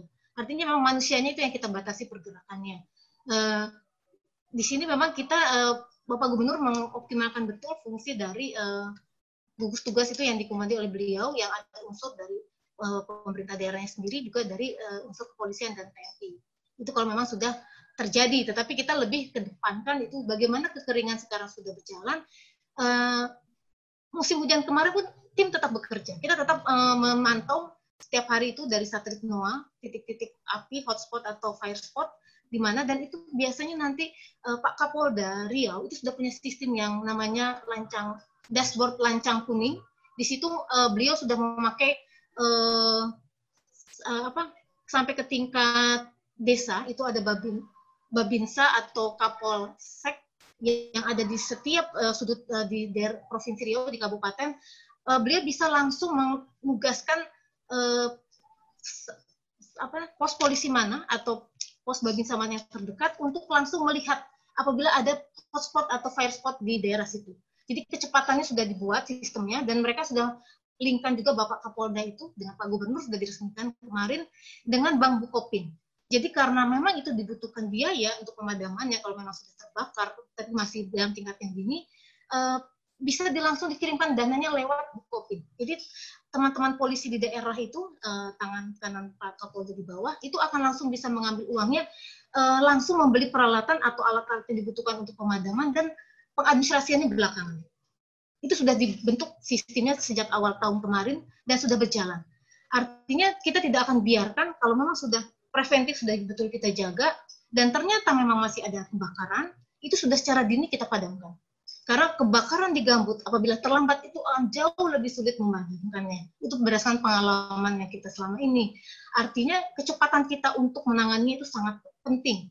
Dengan adanya eh, sistem dashboard lancang kuning itu yang bisa mengetahui titik-titik uh, pos kepolisian, babinsa ataupun uh, kelompok KTPA dan MPA di mana yang terdekat dengan lokasi kebakaran itu memudahkan kita dalam uh, penanganan secara dini kebakaran di Riau. Dan ini alhamdulillah sudah menjadi uh, apa diberi di dashboard lancang kuning ini sudah ditiru oleh pemerintah Sumatera Selatan. Yang sudah datang Pak Gubernurnya untuk melakukan uh, apa sharing uh, informasi dan uh, apa sharing program juga mereka akan mengikutinya di Sumatera Selatan. Dan mudah-mudahan ini tahun ini juga bulan-bulan ini uh, dashboard rancang kuning beserta dengan perangkat di dalamnya baik itu masyarakat maupun unsur uh, TNI Polri dan uh, brigade sendiri itu bisa berjalan dengan efektif. Sehingga kita tidak akan lagi nanti tertinggal atau sudah terlanjur besar apinya dengan kecepatan dini kita memadamkannya tapi tetap sekali lagi kami tetap mengedepankan itu yang namanya preventif mungkin itu saja pak uh, bu terima kasih ibu Vera uh, mohon maaf kalau ada suara gangguan nah sebenarnya ada pertanyaan ibu mumpung masih ada di ibu dari bapak Henry Subagio nih bu Katanya tadi disampaikan bahwa Riau sudah memiliki rencana aksi provinsi perkebunan sawit berkelanjutan ya Bu ya, RAP KSD. Apakah bisa diterangkan lebih lanjut kira-kira substansinya apa saja dan bagaimana kelembagaannya untuk melaksanakannya? Siapa saja Ibu yang dilibatkan? Terima kasih Bu. Uh, rencana aksi daerah eh, KSB di Provinsi Riau itu mengikuti kerangkanya dari rencana aksi nasional itu terdiri dari uh, empat sub sektor, Mbak. Kalau nggak salah, peningkat, peningkatan kapasitas kebun dan percepatan permajaan, uh, tata kelola lingkungan, pengelola lingkungan dan uh, lingkungan hidup, lalu tata kelola konflik, yang keempat percepatan sertifikasi ISPO dan akses pasar. Dan di situ empat itu kita punya koordinator masing-masing. Jadi ketuanya itu di Riau itu oleh Pak uh, gubernur di mana yang ketua hariannya itu Pak Sekda dengan unsur-unsur di bawahnya itu kalau memang uh, ke seperti misalnya peningkatan kapasitas perkebun itu koordinatornya dinas perkebunan di situ nanti ada uh, anggotanya itu dinas-dinas terkait uh, kalau pengelola lingkungan hidup itu koordinatornya dinas LHK di mana anggotanya juga nanti dinas-dinas terkait lainnya uh, lalu juga pengelolaan konflik itu koordinatornya Kanwil BPN dengan anggota yang terkait lainnya dan sertifikasi ISPO itu uh, koordinatornya juga dinas perkebunan. Uh, kita juga di sini ada satu Kabupaten Pelawan sudah punya juga timnya, tim rencana aksi daerahnya. Mereka juga sama strukturnya dan kurang lebih juga sama dalam hal-hal yang akan kita dorong sesuai dengan rencana aksi nasional. Tetapi mungkin uh, yang membedakan mungkin nanti uh, kegiatan-kegiatannya apa saja di situ. Jadi kami sudah melakukan uh, beberapa kegiatan pertemuan dengan seluruh sektor terkait ya di dalam tim Foxby dulu namanya sekarang menjadi rencana apa tim uh, RAN RAPKSB dan di sana kita memang sekarang dalam posisi sedang membuat perencanaan yang kita sesuaikan dengan anggaran. Jadi uh, kegiatan-kegiatan yang sudah kita lakukan disusul di dalam RAP itu kita lihat itu menjadi domain siapa. Kira-kira penganggarannya bisa dari APBN kah, APBD atau sumber lain yang tidak meningkat. Jadi uh, sekarang posisinya dia itu sedang running gitu karena memang uh, di pusat sendiri impresnya baru ditandatangan akhir tahun yang lalu sehingga kita memang belum bisa uh, secara optimal bekerja karena memang yang di pusat pun belum ada payung hukumnya mudah-mudahan tahun ini dan selanjutnya uh, rencana aksi daerah kelapa sawit berkelanjutan ini bisa lebih optimal terima kasih mbak Baik, terima kasih Bu. Tadi uh, ada juga terkait dengan itu dari Bapak Angga Putra. Bu, apakah RAD ini, uh, selain RAD ini sudah ada rencana induk perkebunan sawit untuk Riau atau rencana induk perkebunan? Kalau se secara keseluruhan, selain uh. sawit, apalagi komoditas yang diunggulkan? Kami punya peraturan daerah tentang perkebunan Perda Perkebunan itu di tanda tangan tahun 2018, Perda nomor saya kurang ingat jelas, Perda nomor 6 kalau nggak salah tentang perkebunan. Kami punya master plan perkebunan Provinsi Riau. Kita juga uh, di sini uh, apa lagi tadi Pak pertanyaannya? Uh, komoditas. komoditas. Kami komunitas uh, komunitas uh, utamanya sawit. Komunitas utama sawit dikarenakan dari sisi potensi dan luasan. Komunitas unggulannya kita itu kelapa dan karet Dan komunitas uh, pengembangannya itu adalah kopi dan sagu. Sedangkan uh, komunitas lain seperti lada, pinang itu menjadi komunitas alternatif uh, yang mungkin tetap kita kembangkan disesuaikan dengan apa topografi dan uh, kebutuhan masyarakat di lapangan dan kakao termasuk. Tapi memang kita lebih pada yang saya sampaikan tadi kami juga tidak melihat sawit ini terlalu uh, dominan. Kita tetap me, tata ruang konversi itu kita tidak ada lagi, Mbak. Jadi kita tetap impres 8 itu kita patuhi dengan uh, 100% di mana perizinan yang baru untuk yang dalam kawasan itu tidak ada lagi. Kita hanya melayani perizinan yang sudah ada yang itu pun dalam tata ruang uh, perkebunan. Dan juga uh, kita juga uh, uh, dalam komoditas uh, karet dan kelapa kita uh, dorong itu tetap uh, ada dengan mengutamakannya di anggaran yang uh, APBN pusat maupun di daerah. Jadi sawit kita tidak ada lagi di anggaran pemerintah. Kita hanya mengandalkan dana dari BPDPKS. Karena kita uh, dengan keterbatasan dana daerah dan sekarang kita lebih memprioritaskan uh, lain selain sawit. Sawit yang sudah ada ini kita optimalkan melalui uh, optimalisasi lahan, intensifikasi, perbaikan benih unggul, uh, dan juga diversifikasi. Dan kalau untuk karet dan kelapa kita tetap dorong uh, yang sudah ada menjadi kelapa atau karet tidak dialihfungsikan menjadi sawit. Itu mungkin uh, yang kami lakukan uh, bagaimana kita membendung uh, dominasi sawit ini karena bagaimanapun terlalu dominan itu juga tidak akan pernah baik. Semuanya pun tidak hanya sawit, apa pun yang terlalu berlebihan itu juga Tuhan sudah mengatur tidak baik. Semuanya harus kita tempatkan dengan sewajarnya. Yang sudah ada sekarang itu yang akan kita lakukan uh, pembinaan. Dan saya tertarik dengan yang Pak Bapak yang Pak Dokter sampaikan, memang sertifikasi ISPO yang lama itu memang kesannya sangat administratif. Kita berharap dengan adanya peraturan presiden yang baru nomor 44 tahun 2020 tentang sertifikasi ISPO ini uh, pengeluaran penerbitan ISPO akan jauh lebih uh, menggambarkan pengelolaan perusahaannya. Kita tahu memang ISPO yang terbitkan yang lalu banyak kekurangan, tetapi itu juga lebih bagus dibanding perusahaan yang belum ada ISPO-nya. Saya sudah ceritakan kita baru sepertiga yang ada ISPO di Rio, dua pertiganya belum ada ISPO. Jadi kita bicara di uh, kondisi yang sebetulnya daripada tidak ada ya bagusan dia punya ISPO. Jadi bisa kita lihat bagaimana uh, rencana-rencana pengelolaan lingkungan dia ke depannya terhadap pengelolaan sawitnya di lapangan. Memang yang menjadi masalah sekarang banyak di sawit. Kita masih masalah ketinggian muka air tanah di gambut juga menjadi masalah karena di PP 57 itu kan uh, diamanahkan tinggi uh, air tanah untuk penanaman itu 40 cm. Sedangkan kita sudah tahu di Riau ini banyak uh, sulit sekali perusahaan untuk mencapai itu. Baru mencapai antara 60 sampai 80 cm. Itu jadi menjadi masalah nanti di ISPO. Karena itu menjadi catatan khusus, uh, mereka tidak akan pernah bisa mendapatkan ISPO kalau tidak bisa diturunkan sampai ke tinggi muka air tanah sesuai dengan PP 57. Dan banyak lagi sebetulnya. Dan ada yang kelupaan tadi Mbak. Terkait dengan ketahanan pangan, Riau itu sebetulnya punya lahan LP2B itu hampir 87 ribu hektar. Tetapi memang yang existing itu baru sekitar 62 ribu hektar. Dan mohon yang maaf, LP2B apa ya tuh? Mohon maaf.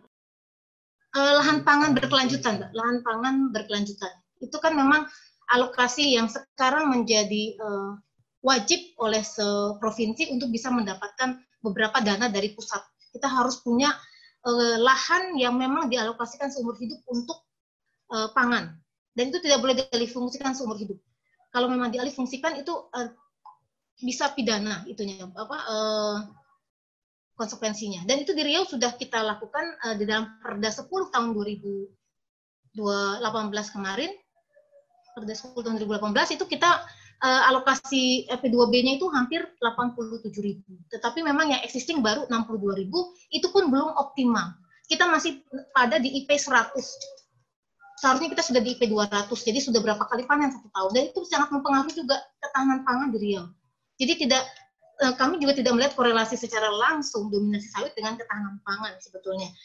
Apa pun sebetulnya di eh, Riau ini akan sulit memang kita menanam padi karena memang da, sebagian besar lahannya adalah rawa.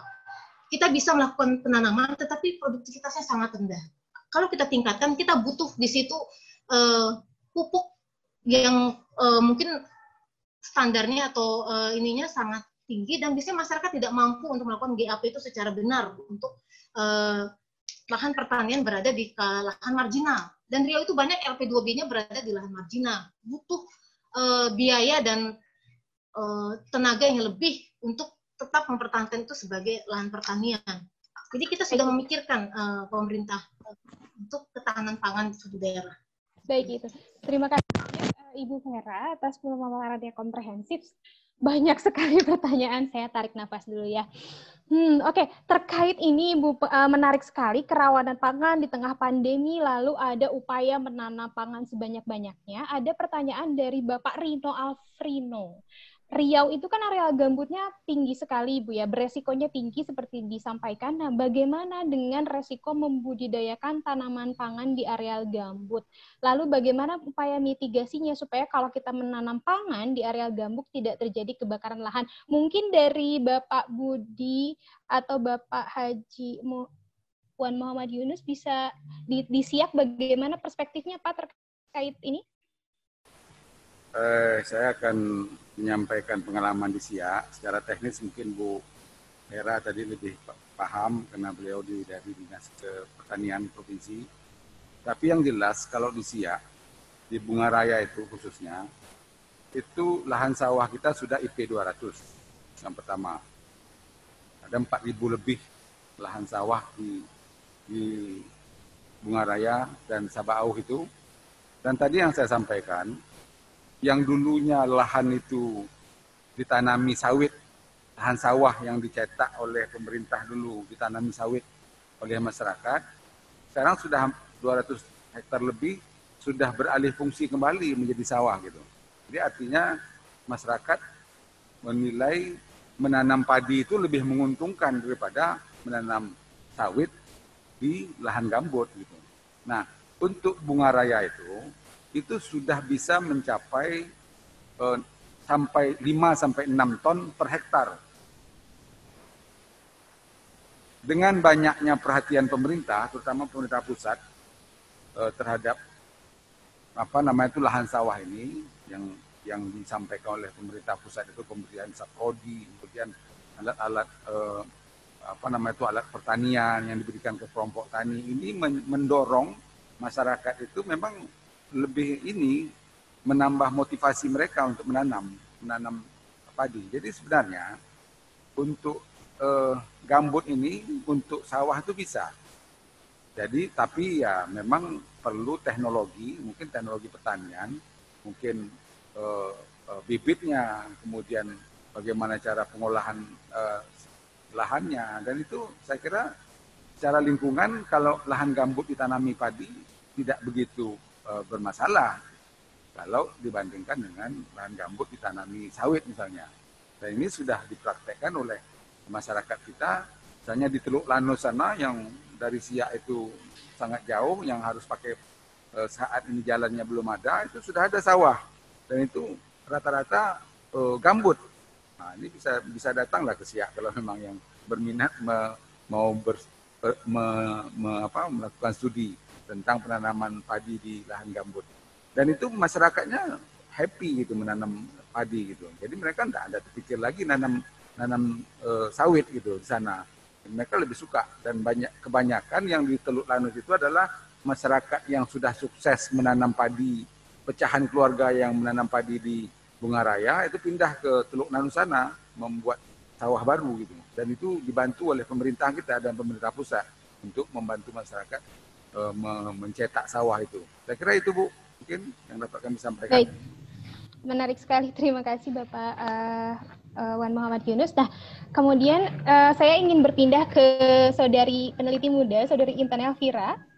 Masih ada kan bersama kita. Di sini ada banyak beberapa pertanyaan terkait riset tadi ya, riset uh, Madani. Yang pertama itu apa adalah apakah tingkat kerawanan bencananya uh, sudah dibandingkan antara ad, sebelum ada sawit maupun sesudah ada sawit dan apakah ada breakdown data perkebunan sawit berdasarkan per, perkebunan rakyat, PBS atau uh, eh, PBN?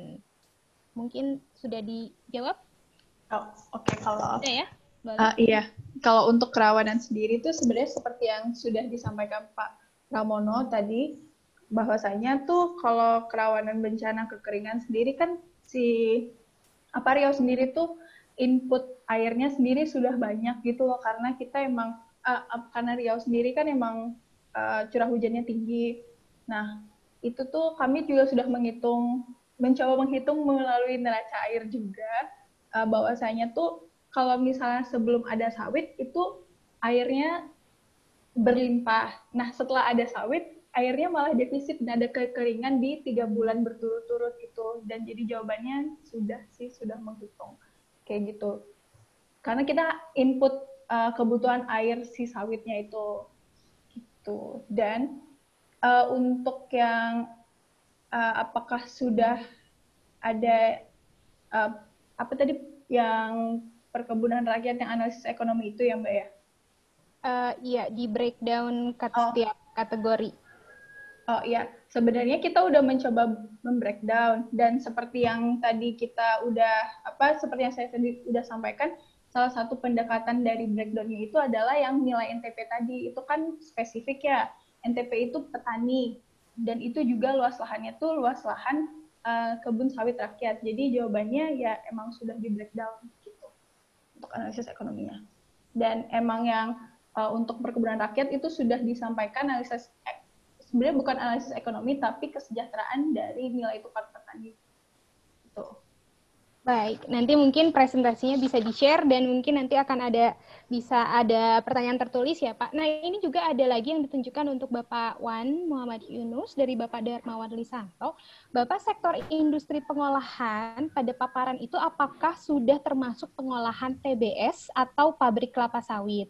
Jika iya, berapa porsinya terhadap keseluruhan PDRB industri pengolahan? Oh, cukup spesifik ya Pak Tadi pertanyaannya terkait uh, porsi pendapatan daerah dari industri pengolahan.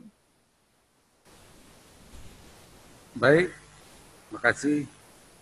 Jadi untuk pabrik PKS itu, pabrik kelapa sawit, itu masuk ke dalam sektor industri pengolahan. Jadi kalau yang kami sampaikan tadi bahwa industri pengolahan kita itu eh, penyumbang PDRB Kabupaten Siak sekitar 36 persen lebih, 36,78 persen tahun 2019. Nah, ini termasuk uh, eh, PKS, pabrik kelapa sawit di samping misalnya pabrik uh, kertas, kemudian uh, apa namanya itu kayu lapis dan segala macam. Dan ini uh, apa namanya itu ini juga uh, menyumbangkan tenaga kerja yang banyak karena kalau tak salah di Siak itu ada sekitar Oke, okay. Nah, kita aku saya sambil menunggu uh, mohon maaf ya Bapak Muhammad Yunus uh, tidak terdengar. Sambil menunggu terkoneksi kembali, ada pertanyaan terkait uh, terkait lahan pangan berkelanjutan dari Bapak Ikhwan Susanto dari Kompas ya sebenarnya tanaman-tanaman pangan apa saja yang akan ditanya eh, ditanam di, di situ.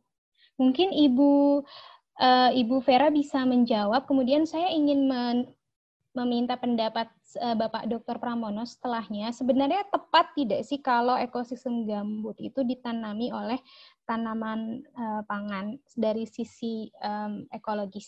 Enggak, Bu Vera? Uh, kalau yang utamanya penanaman di LP2B itu adalah padi. Tapi mungkin kalau biasanya berapa kali tanam padi, mungkin nanti bisa diseling oleh tanaman palawija lain yang kira-kira ketahanan pangannya bersama seperti jagung, ubi, Nah, itu Pak mungkin. Tapi yang utamanya adalah padi. Yang Apakah ada langkah-langkah mitigasi mungkin Bu supaya penanamannya tidak beresiko jadi kebakaran lagi atau kekeringan? Uh, ini mungkin uh, saya mewakili pertanian ya karena saya dari perkebunan. Seperti yang tadi disampaikan oleh Bapak uh, Kepala Bapak Dasiak bahwa memang uh, tidak di, um, bisa kita tanam uh, lahan di lahan gambut itu dengan teknologi dan pengelolaan GAP yang tepat untuk tanaman uh, padi atau tanaman uh, palawija lain di lahan-lahan yang seperti itu. Memang yang harus kita butuhkan adalah harus sesuai dengan GAP semua dan itulah uh, fungsinya uh, kita penyuluhan di lapangan, pendampingan penyuluh. Kalau kita lihat program Kementerian Pertanian tahun ini dengan Pak Menteri yang barunya adalah namanya Postratani, Komando Komando Strategi uh, pertanian Indonesia, di mana beliau memakai tenaga-tenaga penyuluh BPP, Badan Penyuluh Pertanian yang ada di kecamatan, uh, untuk membantu pendampingan pada petani bagaimana cara pengelolaan yang benar yang bisa nanti uh, tidak menimbulkan ekses uh, lingkungan yang yang apa yang baru gitu. Jadi memang itu pendampingan sangat perlu. Uh, bagaimanapun uh, lahan yang sudah dialokasikan untuk LP2B ini memang sudah uh, di di apa dilingkan dengan BPP-nya yang mana. Jadi itu sudah masuk alokasi dari badan penyuluh beserta penyuluh-penyuluh di situ yang mana. Itulah tanggung jawab penyuluh-penyuluh pertanian untuk mendampingi petani-petani itu dalam uh, merealisasikan program pemerintah ini, uh, khususnya di ketahanan pangan. Jadi kita harus memakai uh, penyuluh di dalam apa pendampingannya.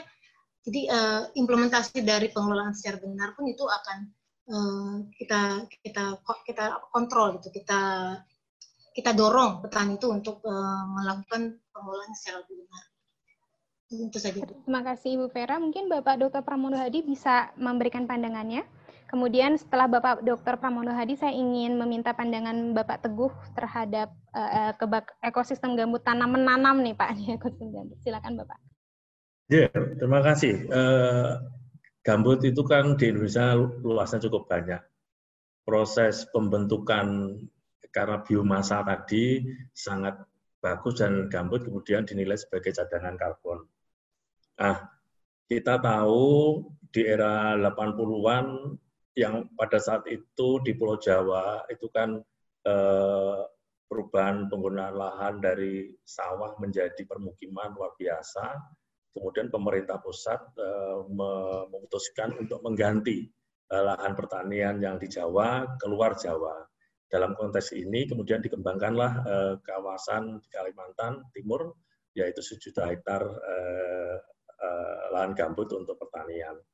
Memang bisa ditanami. Tadi dikatakan hasilnya 6 sampai eh, 5 sampai 6 ton per hektar itu memang cukup besar dan dan apa namanya bagus. Tetapi perlu diingat bahwa gambut itu kalau diolah itu makin lama makin kempes ya, makin menipis, makin memadat begitu. Sehingga kalau itu pada daerah lowland, daerah lowland, eh, maka lama kelamaan airnya itu makin tinggi. Ya, kalau sudah tinggi tentu eh, tidak cocok lagi untuk eh, pertanian padi. Sehingga eh, kadang-kadang dia diolah untuk tiga kali, empat kali atau tiga tahun, empat tahun itu dia sudah sudah tidak bisa lagi, tidak tidak suitable lagi untuk ditanam itu. Itu Eh, makanya kemudian dengan dibentuknya eh, BRG Badan Restorasi Gambut itu oh, sangat tegas di sana, memang diklasifikasikan jebakan-jebakan gambut yang sifatnya dom, ya,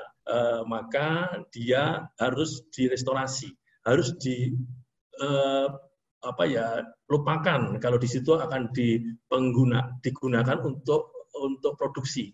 Dia harus ditutup, bahkan kanal-kanalnya itu diberi diberi uh, bendung begitu ya supaya air yang tertangkap itu tidak mengalir keluar dan itu sebagai cadangan macam-macam terutama untuk meningkatkan uh, biodiversity di situ. Uh, tetapi untuk gambut-gambut yang sis, secara sistem itu tersebar ya kecil-kecil dan tipis barangkali mungkin itu masih bisa dimanfaatkan untuk kepentingan tadi. Cuma tadi uh, risk uh, terhadap terhadap lahan gambut itu jika kemarau sekali lagi kita itu punya iklim punya musim kemarau maka dia punya risk risiko kebakaran. Begitu kebakaran dampaknya panjang sekali. Pemiskinan uh, unsur hara uh, kemudian produktivitas tentunya. Nah uh, apakah uh, tadi tadi ada saya lihat di di question and answer itu uh, apakah RPJM-nya itu sudah me, me, mengayomi mengayomi kepentingan semua ini gitu ya. Karena sebenarnya perencanaan-perencanaan itu nggak bisa hanya dalam konteks lima tahun dan sebagainya mungkin harus long term karena kita bicara long term gitu.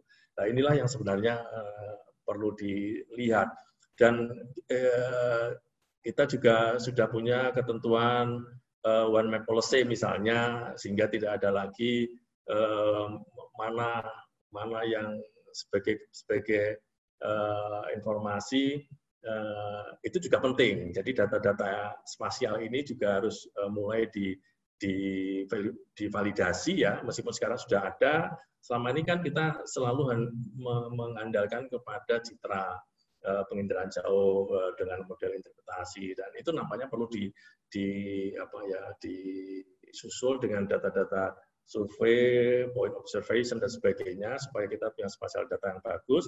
Tujuannya apa? Tujuannya pada saat menyusun tata ruang, menyusun RPJM itu bagus, ya dan itu termasuk di dalamnya eh, perencanaan perkebunan, perencanaan bagaimana lahan produksi, bagaimana lahan yang lain dan sebagainya. Tentu adalah lahan yang konservasi.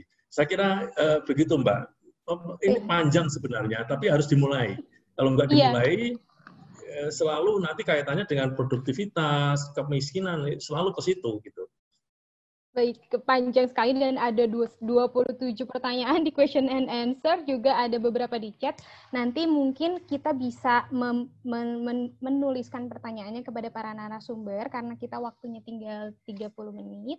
Uh, jadi uh, dan bisa di khusus ya karena ada beberapa pertanyaan khusus terkait angka, terkait data di sini. Nah, tapi ter, masih menarik sekali ini terkait kebakaran di ekosistem gambut. Uh, sebelumnya tadi Bapak Yunus terputus ya Bapak uh, atau Bapak Budi mungkin ada sudah bersama kita lagi? Halo? Ya, tadi terputus. Iya, mohon maaf ya Bapak tadi. Iya, tadi Bapak sedang menjelaskan uh, sektor industri pengolahan itu apakah sudah termasuk pengolahan tandan buah segar atau PKS atau belum? Lalu porsinya terhadap keseluruhan PDRB itu bagaimana, Pak? Ya, jadi uh, industri sawit itu memang termasuk sektor industri pengolahan. Jadi tidak termasuk di sektor pertanian. Yang jadi sektor industri pengolahan itu untuk PDRB SIA itu kita 36 persen lebih, 36 persen lebih berkontribusi terhadap uh, eh, PDRB SIA dan ini menjadi tiga besar sektor hmm. yang menyumbangkan PDRB SIA. Yang pertama adalah sektor pertambangan, sektor industri, dan sektor pertanian. Jadi sektor industri pengolahan ini yang terbesar 36, kemudian sektor pertambangan 31 persen lebih, dan sektor pertanian tadi 20 persen lebih. Nah, cuman ke depan itu yang jadi persoalan adalah yang yang PKS ini, kalau kita lihat tadi jumlah kebun masyarakat itu jauh lebih besar daripada perkebunan besar swasta maupun perkebunan nasional. Tapi PKS-nya tidak ada yang masyarakat punya. Gitu. Jadi belum ada koperasi yang memiliki PKS di, di Siak ya, tidak tahu kalau di tempat lain. Jadi ini yang mungkin menjadi tantangan kita ke depan, bagaimana masyarakat punya PKS, sehingga masyarakat juga punya hak untuk menentukan harga TBS-nya yang dimasukkan ke PKS. Kalau sekarang kan tidak ada yang masyarakat punya PKS gitu. Nah, tapi bagaimana caranya ke depan itu masyarakat punya PKS dan dia punya nilai tambah yang lebih terhadap kebunnya. Begitu mungkin Mbak. Terima kasih. Terima kasih Pak, menarik sekali. Tapi jangan pergi dulu Bapak karena saya ingin bertanya. Kalau di Siak sendiri, tadi kan tentang kesejahteraan petani ya Pak dan NPP yang rendah. Bagaimana dengan kebakaran di ekosistem gambut Pak di Siak? Uh, kita menghadapi bulan kemarau, apakah ada langkah-langkah strategis untuk mencegah hal tersebut? Jadi sama tadi yang disampaikan oleh Ibu dari Provinsi Riau, Bu Vera. Jadi kita sudah punya sistem uh, pencegahan dan pengamatan dini. Jadi kita mulai dari desa, Ya, kalau di Siak namanya kampung karena kearifan lokal. Jadi di Siak itu desa sudah berubah namanya menjadi kampung. Jadi mulai dari kampung sudah ada e, masyarakat peduli api itu, MPA itu, kemudian kampung peduli api. Jadi api yang ada di kampung itu langsung diantisipasi. Seandainya ada titik api sebesar apa pun, setitik apa pun, ada titik api, kemudian bagaimana uh, apa itu langsung diangkat dan kita sudah melalui dana APBD maupun APBDes sudah membeli alat-alat untuk uh, pe pemadaman api langsung gitu yang yang portable. Jadi jadi masyarakat itu begitu ada api langsung membawa alat portable-nya langsung dipadamkan. Karena yang dari uh, pengalaman kita uh, yang lalu-lalu itu kebakaran itu terjadi karena dibiarkan gitu. Mulai dari kecil dibiarkan, dia akan menjadi besar dan tak terkendali gitu. Kalau dari awal kita sudah uh, sudah bisa mengantisipasinya, itu sudah bisa kita kendalikan. Itu Mbak. Oke, baik. Terima kasih Bapak Muhammad Yunus. Nah, bagaimana uh, Mas Teguh tentang ekosistem gambut dan kebakaran di Riau? Sebagai putra asli Riau, sebenarnya langkah strategis apa sih yang harus diambil pemerintah dan uh, stakeholder lainnya? Baik, uh, terima kasih Anggi Bapak Ibu sekalian. Jadi gambut ini kan ekosistem yang khas ya, spesial. Jadi perlakuannya juga harus spesial. Menurut kami, cara terbaiknya satu pelajari karakteristik gambut gitu Nah, sayangnya yang terjadi selama ini, karakteristik gambut coba dipelajari, tetapi kemudian memaksakan menanam komoditi yang memang nggak cocok dengan gambut. Salah satunya sawit, akasia, dan seterusnya. Padahal secara saintifik dan banyak temuan, banyak referensi literatur mengatakan salah satu yang bisa diuji cobakan dalam proses pertanian itu adalah sistem palibikultur. Karena ini kan model budidaya tanaman tanpa drainase pada lahan gambut atau lahan basah ya. Dan ini bisa memberikan manfaat ekonomi, tapi juga menghasilkan biomasa yang akan berkontribusi pada pembutuhan gambut jangka panjang. Jadi itu salah satu pendekatan yang bisa dilakukan. Nah, terkait dengan kebakaran, kalau dari kajian kami, jelas wilayah-wilayah terbakar ini merupakan eh, wilayah-wilayah uh, yang dulunya hutan, bagian dari hutan hujan tropis, tapi kemudian terdegradasi menjadi semak belukar karena aktivitas logging, pembukaan lahan, dan seterusnya. Begitu juga dengan gambut. Kalau kondisi ilmu apa alamiahnya masih baik gitu ya, masih tetap basah, maka sangat sulit untuk terbakar. Gitu. Jadi cara terbaik ya menjaga gambut tetap sebagai gambut dan manfaatkan untuk ya, sesuai dengan karakteristiknya gitu. Contoh lain yang sering saya angkat adalah bagaimana gambut ini kan menjadi salah satu ekosistem air tawar yang memiliki nilai ekonomi tinggi ya, ikan arwana. Tapi kita nggak pernah dengar nih eh, pemerintah eh, setempat gitu mengembangkan uh, perlindungan gambut dengan pengembangan ikan arwana. Kita tahu harga arwana ini apa udah me menjadi uh, apa komoditas global gitu. Sayang sekali bahkan gambut-gambut kemudian tercemar, kering begitu saja karena uh, aktivitas perkebunan skala besar. Akhirnya kita kehilangan arwana dan banyak spesies lain yang belum kita ketahui nilai ekonominya kemudian habis begitu saja. Jadi sebaiknya break dulu lah untuk me, me, membuka lahan gambut, apalagi dengan cara mengeringkan, pelajari dulu, temukan betul kita akademisi, pemerintah bahu membahu, masyarakat sipil melakukan penelitian, menemukan satu komoditi ekonomi yang benar-benar bagus dan paten buat gambut, kemudian juga buat masyarakat. Ini yang belum kami lihat. Banyak ahli tanaman tidak punya fokus yang cukup di sana, itu juga tidak minimnya dukungan pemerintah dan seterusnya. Oh ya, satu lagi kenapa ini penting? Karena dari uh, penelitian kami disampaikan oleh rekan kami tadi, uh, Mbak Intan, itu kan 85 persen uh, desa rawan bencana itu di sekitar perkebunan sawit itu belum memiliki kapasitas manajemen bencana. Dan 8 dari 10 desa di sekitar perkebunan sawit itu rawan bencana. Jadi ini harus menjadi perhatian betul ini Pak Budi, Pak Yunus, Ibu Vera, dan teman-teman uh, sekalian. Terima kasih. Terima kasih Mas Teguh. Tadi kita udah berbicara tentang kesejahteraan, balik ke ekosistem, ekologi, kemudian balik lagi ke ekonomi ya. Nah, di sini saya telah mencatat serombongan pertanyaan untuk Ibu Vera. Mohon maaf ya Ibu, ini animonya tinggi sekali terkait data, Bu.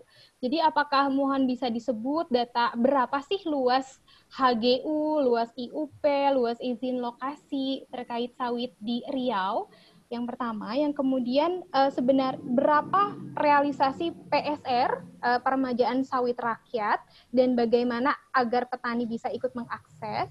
Lalu ada berapa pendanaan dari RPJMD Riau yang difokuskan untuk komoditas lain selain sawit? Mungkin tiga dulu untuk Ibu Vera.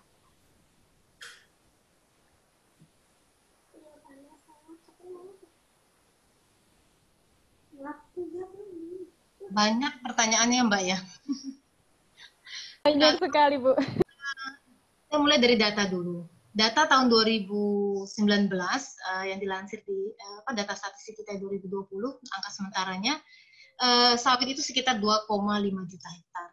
Dari 2,5 juta hektar itu sekitar 1,1 juta hektar itu uh, berada di perusahaan besar negara dan perusahaan besar swasta dan sekitar 1,4 juta itu berada di perkebunan rakyat. Yang kita sampaikan di sini rakyat bukan rakyat yang artinya sebenarnya rakyat, tetapi itu mungkin kumpulan dari rakyat-rakyat yang sebetulnya eh, kalau kategori berdasarkan Undang-Undang Nomor 39 tentang perkebunan, apabila dia menguasai lebih dari 25 itu seharusnya tidak menjadi perkebunan rakyat, tetapi harus ada lembaga. Tapi itu karena memang belum sampai situ penertibannya, itu yang masih kita kategorikan rakyat. Uh, dari hasil uh, kegiatan kami dengan strategi nasional pemberantasan korupsi di Sanas PK di kebijakan satu peta, kita sudah melakukan pendataan dengan tim uh, terpadu satu peta Riau dari provinsi dan dari kabupaten terkait seluruh kabupaten Riau.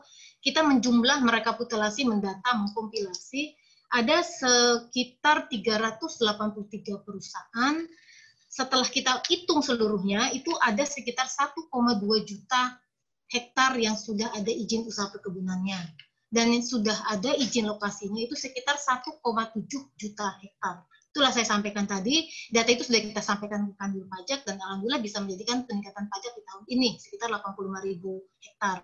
Jadi 1,2 juta IUP, 1,7 uh, ILOK. Dan HGU itu berdasarkan data dari teman-teman di Kanwil BPN itu sekitar 880 ribu hektar. Artinya kalau kita compare ke data kami yang 1,1 juta yang ada di perusahaan uh, besar uh, swasta dan negara, hanya baru 880 ribu yang ada HGU-nya. Sisanya mereka mungkin sedang dalam tahap proses uh, eh, HGU. Sekitar mungkin 300 ribu hektar lagi ya, belum ada HGU-nya. Nah, itu yang dari sisi data. Lalu yang kedua terkait PSR ini tadi kita tidak ada bicara PSR kok jadi ke PSR ini peremajaan sawit rakyat ini memang um, Riau termasuk yang um, mendapat alokasi yang besar di tingkat nasional mungkin yang terbesar itu setiap tahun kita tidak pernah kurang ditargetkan oleh menteri itu di atas 20 ribu hektar tetapi memang karena persyaratannya juga tidak seluruhnya bisa dipenuhi oleh pekebun terutama pekebun mandiri swadaya eh, rata-rata pencapaian kita di PSR itu dari tahun ke tahun itu um, memang startnya tidak terlalu bagus, tetapi meningkat. Tahun ini 2019 yang lalu kita sudah mencapai 9.223 hektar uh, yang dana PSR. Kalau kita total dari tahun 2017, hampir 20.000 hektar kita sudah melakukan peremajaan sawit rakyat dari dana BPDPKS. Uh, persyaratannya di awalnya itu uh, di peraturan dirjen nomor 208 itu ada 14 persyaratan. Itu dianggap sulit sehingga memang petani banyak yang tidak bisa. Padahal persyaratannya sebetulnya juga mudah, tetapi karena kita bicara eh, petani yang betul-betul marginal, yang kadang-kadang KTP kakak sendiri mereka tidak punya, surat tanah tidak punya, akhirnya eh, persyaratan disederhanakan menjadi delapan.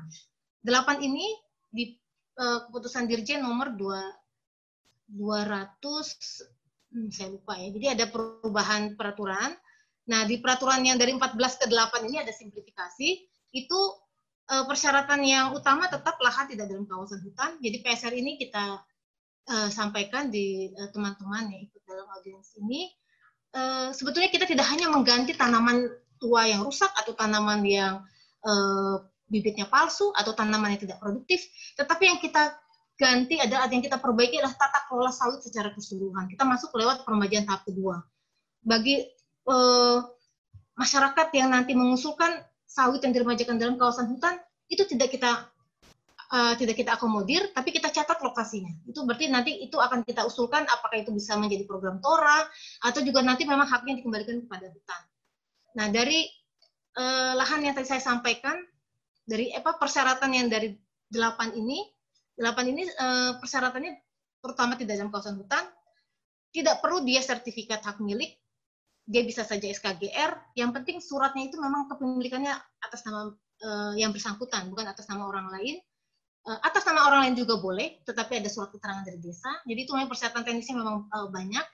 Dan sekarang uh, sedang digodok menjadi dua persyaratan saja dari delapan menjadi dua. Tetapi yang dua ini masih berbentuk rancangan peraturan Menteri Pertanian dan belum uh, di apa revisinya belum diterbitkan.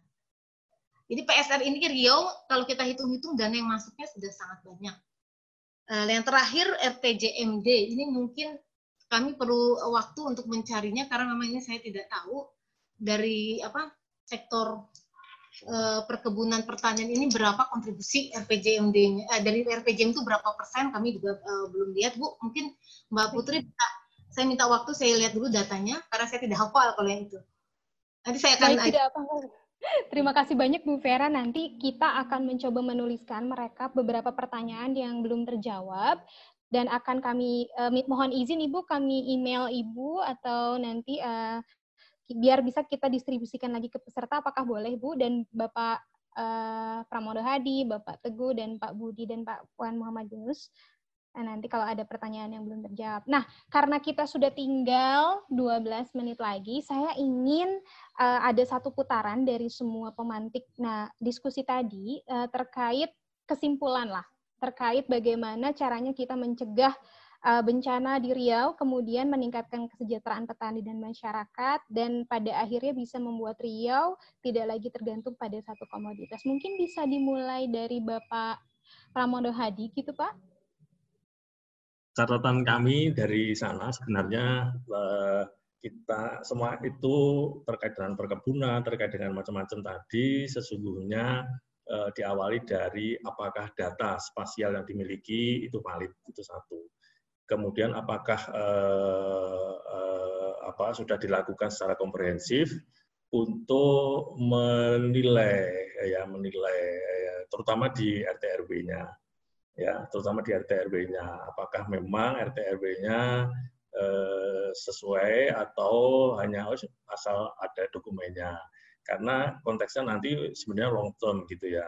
Kemudian didukung oleh kebijakan eh, rencana dan Eh, KRP-nya begitu, terutama di RPJM itu harus eh, secara komprehensif di di apa namanya disisir dengan KLHS lah, dengan KLHS supaya apa? Supaya KLHS itu kan konteksnya melibatkan stakeholder ya. Stakeholder itu tidak hanya di pemerintah semata, tidak hanya di OPD semata, tetapi juga masyarakat, dan sebagainya. Sehingga nanti akan lebih komprehensif. Harapannya seperti itu. Nah, kalau itu sudah oke, okay, eh, kemudian nanti diintegrasikan dengan perencanaan-perencanaan yang sifatnya ekonomis tadi, yang sifatnya perizinan eh, tadi. Itu kira-kira eh, cocok enggak? Nah, anunya ke sana gitu ya, supaya apa? Supaya kita memulai termasuk kalau daerah rawan apa yang harus dilakukan oh, dia harus ada cadangan air eh, membuat eh, bendungan membuat reservoir dan sebagainya ini sebagai satu gambaran eh, bagaimana cara mitigasinya dan sebagainya saya kira itu Mbak Anggi dari saya Terima kasih banyak Bapak Pram. Bapak Pram, berarti KLHS menjadi instrumen penting ya Bapak bagi perencanaan pembangunan di daerah ya. Nah, kalau dari Bapak Muhammad Yunus, apakah boleh Bapak di uh, ada kalimat penutup atau pesan-pesan atau langkah-langkah strategis pemerintah Siak ke depan? Terima kasih Bu. Yang jelas bahwa Kabupaten Siak sekarang tidak ada lagi perizinan baru untuk kebunan sawit. Itu catatan penting sesuai dengan uh, aturan yang ada. Kemudian yang kedua, yang perlu kita lakukan adalah pembinaan petani eh, masyarakat ini, yang smallholder ini, bagaimana mereka bisa mengelola perkebunannya dengan eh, meni, me, me, apa, ber, ber, melihat lingkungan gitu, berdasarkan eh, pengelolaan lingkungan, hingga eh, di samping lingkungan kita aman, tapi juga produk dari perkebunan mereka ini meningkat dan akan uh, pada akhirnya akan menambah kesejahteraan masyarakat sendiri gitu.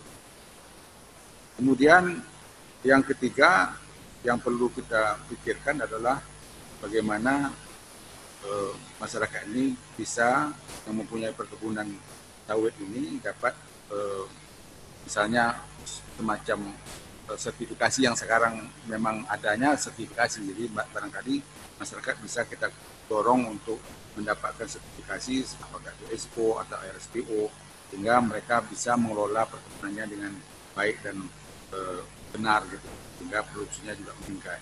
Dan terakhir kita juga mendorong untuk kesejahteraan petani bagaimana mereka tidak hanya di hulu perkebunannya tapi juga mereka bisa terlibat dalam industri hilirnya, berupa mungkin operasi yang memiliki PKS untuk mengolah TBS itu menjadi CPO. Ini itu Bu, terima kasih.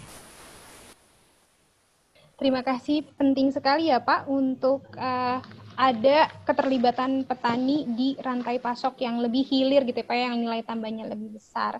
Uh, Bapak Budi, apakah cukup atau ada yang perlu ditambahkan? Uh, atau langsung kita ke Ibu Vera ya, kalau Bapak Budi uh, cukup. Ibu Vera bagaimana nih sebagai yang paling banyak dihujani pertanyaan. Bagaimana Ibu langkah-langkah ke depan pemerintah Provinsi Riau untuk uh, mengurai dua permasalahan yang sama pentingnya, Bu. Permasalahan kesejahteraan, kesejahteraan petani, masyarakat, tapi juga di sisi lain ada ancaman bencana ekologis. Uh, saya jawab yang tadi dulu, Mbak. Uh, ini RPJMD Riau ini kurang lebih itu setiap tahunnya sekitar 10 triliun. Itu terdiri dari belanja langsung dan tidak langsung. Belanja langsung itu mungkin sekitar 40 persen saja dari yang 10 triliun Sedangkan di kami sendiri di Dinas Perkebunan itu kita setiap tahun itu hanya sekitar 25 miliar saja. Itu pun sudah termasuk belanja langsung tidak langsung. Yang langsungnya kami pun mungkin hanya sekitar 40 persen ya. Artinya memang sangat terbatas. Anggaran daerah untuk sektor perkebunan terutama memang karena memang keterbatasan anggaran dari pusatnya untuk DBH semakin menurun, kita memang tidak besar. Tapi itu tidak menjadi pembatas kita untuk bekerja. Itu yang kami tegaskan di sini. Dan uh, mungkin yang perlu kami sampaikan di sini secara makro, ke depan pengelolaan sawit berkelanjutan itu menjadi keharusan mutlak. Penerapan uh, dari uh, Impres nomor 6 tahun 2019 tentang RAN KSB yang kita implementasikan dalam rencana aksi daerah wajib kita implementasikan dan kita juga penerapan Perpres nomor 66 tahun 2020 terkait dengan sertifikasi ISPO itu ada dua perbaikan ISPO yang sudah ada dan uh, penerapan lebih banyak lagi kepada perusahaan-perusahaan yang belum ada ispo-nya dan itu juga harus ada konsekuensi uh, pidana atau hukum apabila mereka belum melaksanakannya itu harus kita terapkan. Karena dengan tidak kita melakukan itu secara benar dan lengkap, berapapun regulasi yang terbitkan kalau implementasinya tidak kita kawal di lapangan itu menjadi sia-sia. Dan yang ketiga, eh, terutama yang tadi sampaikan Pak Teguh, pendataan pekebun rakyat itu juga wajib kita harus melaksanakan peraturan Dirjen Perkebunan nomor 105 tahun 2018 tentang sertif, pedoman sertifikasi uh, surat tanda daftar budidaya perkebunan STDB. Itu juga diamanahkan memang sebetulnya oleh pemerintah daerah. Kita harus menerbitkan karena itu bukan menjadi kewajiban petani, tapi kewajiban pemerintah mendata petaninya, pekebunnya di lapangan.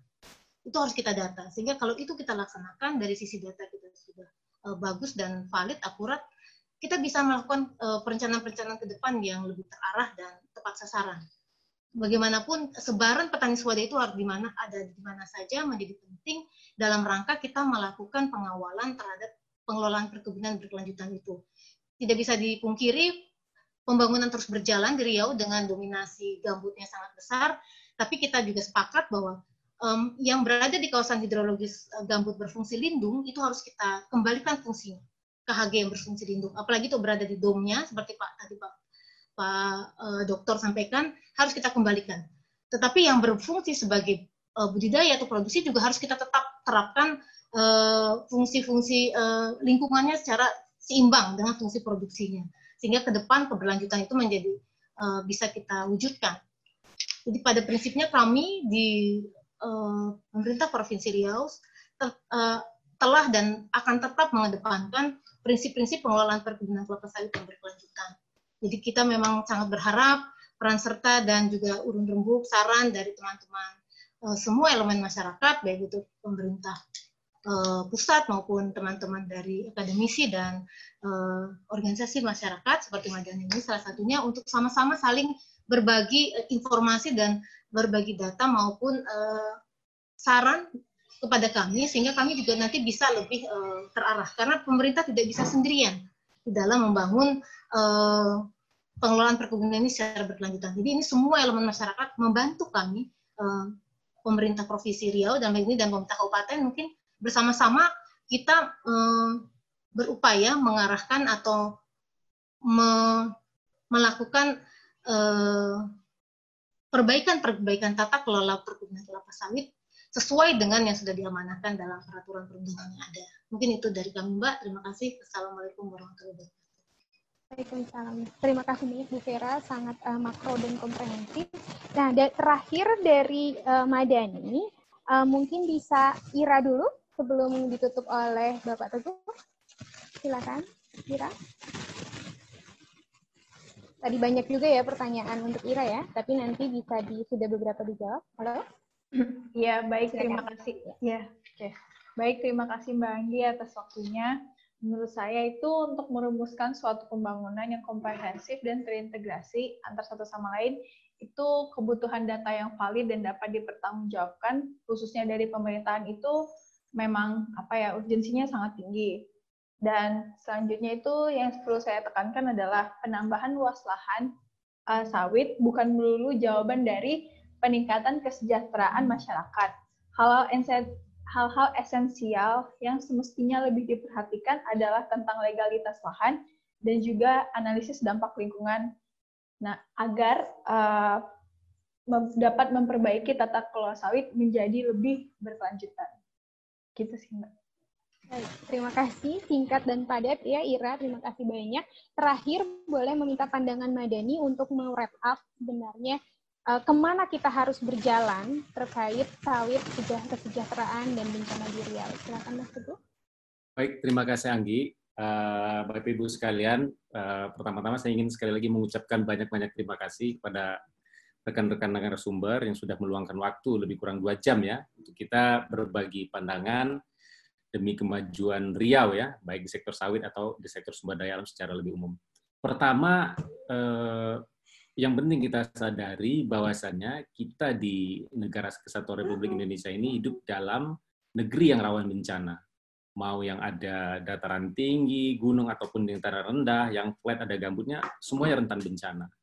Nah untuk itu kita nggak punya kemewahan waktu untuk apa kalau bahasa Melayu itu berleha-leha ya, bermain-main gitu. Jadi pekerjaan rumah itu harus diselesaikan. 40 tahun kita absen bisa dikatakan absen mengelola pekerjaan rumah untuk mengelola sawit menjadi lebih baik. Makanya kita yang kita terima hari ini, walaupun 40 tahun, tapi kesejahteraan masyarakatnya masih jauh gitu ya. Nah, kemudian belum ini selesai, datang COVID-19. Kita juga gelabak kelabakan dan seterusnya. Jadi, kita punya tugas masing-masing untuk menyelesaikan pekerjaan rumah. Nah, kolaborasi tentu menjadi kunci utama untuk kita bisa menyelesaikan pekerjaan rumah ini dengan tepat, sehingga masalah yang kemudian akan datang masalah baru yang akan datang itu bisa kita hadapi dengan dengan dengan baik pula. Nah, terkait dengan itu sebenarnya yang menjadi catatan kami adalah bagaimana cara kita memandang sumber daya alam itu untuk kesejahteraan masyarakat. Sebenarnya sederhana saja karena di dalam uh, konstitusi kita sudah diamanatkan di pasal 28 pasal 28H dan pasal 33 ayat 4. Bagaimana sebenarnya model pengelolaan sumber daya alam Indonesia tetapi kalau kita mau jujur, kita buka satu-satu dokumen rencana pembangunan, rencana aksi, dan seterusnya, itu bisa dikatakan jauh dari amanat itu. Jadi alat ujinya harusnya menjadi alat uji apakah eksploitasi sumber daya alam ini berkeadilan dan menguntungkan bagi warga negara itu adalah konstitusi gitu. Nah, mari kita kembali ke situ. Nah, dan kerentanan kita karena kita negara bencana, negeri bencana, maka kerentanan warga itu harus menjadi tolak ukur utama untuk membuat pertimbangan atau membuat sebuah keputusan dalam uh, tata kelola sumber daya alam. Selama ini kan yang dipikirkan bagaimana dengan pasar, pasar, pasar, pasar gitu ya. Investasi, investasi, investasi. Tidak pernah bicara bagaimana kerentanan rakyat. Apakah misal ketika dibuka satu investasi eksploitasi besar-besaran, mau itu sawit, HTI, dan seterusnya, tambang, itu menambah kerentanan warga nggak? Nggak pernah, sedikit sekali bicara itu ya. Nah, kami melihat KLAS sudah me, me, bernafaskan itu hanya saja ya terseok-seok sekali lagi nggak nggak berjalan secara maksimal. Nah terakhir eh, catatan dari kami kalau dari diskusi ini jelas menggantungkan uh, ekonomi kemudian menggantungkan harapan uh, pembangunan pada satu jenis komoditas itu adalah uh, kekeliruan ya. Nah pertanyaan kemudian apakah terlambat untuk mengembangkan diversifikasi komoditas perkebunan, khususnya di Riau ya dalam hal ini? Tentu tidak. Karena hal ini hanya perlu siasat yang jelas dengan kolaborasi tadi, komitmen dan keberanian. tentu dengan kunci kolaborasi para pihak. Nah, kami yakin kalau ini dilakukan, kita semua pada satu frekuensi untuk membangun Indonesia menjadi lebih baik, sumber daya alam ini tidak harus dieksploitasi secara besar-besaran, tapi dikelola dengan bijak, kami pikir kita bisa keluar dari persoalan-persoalan yang ada hari ini dan akan lebih siap menghadapi persoalan-persoalan lebih besar di masa mendatang. Demikian Anggi. Terima kasih banyak. Wow, berarti butuh siasat, komitmen, keberanian, dan kolaborasi ya Mas Teguh. Ya, baik. baik, baik Bapak dan Ibu, karena waktu sudah habis, uh, saya mohon izin untuk nanti memfollow up beberapa pertanyaan yang belum terjawab kepada narasumber, dan juga mohon izin apabila ada kawan-kawan media yang uh, ingin hubungi lebih lanjut uh, jika diizinkan. Lalu terima kasih saya ucapkan sekali lagi kepada para panelis uh, narasumber untuk hari ini. Terima kasih banyak Bapak dan Ibu dan para peserta. Tadi ada sekitar 70-an yang ikut dan kemudian untuk bahan-bahannya nanti akan disebarkan melalui website Madani, jadi stay tune di madani berkelanjutan.id. Uh, baik, begitu demikian Bapak dan Ibu, saya mohon maaf sekali atas segala kekurangan uh, atau ada kesalahan salah ucap dan uh, lain sebagainya. Saya Andi, saya undur diri dari webinar ini. Wassalamualaikum warahmatullahi wabarakatuh. Tetap semangat dan tetap sehat ya. Waalaikumsalam Terima kasih. Terima kasih banyak kawan-kawan.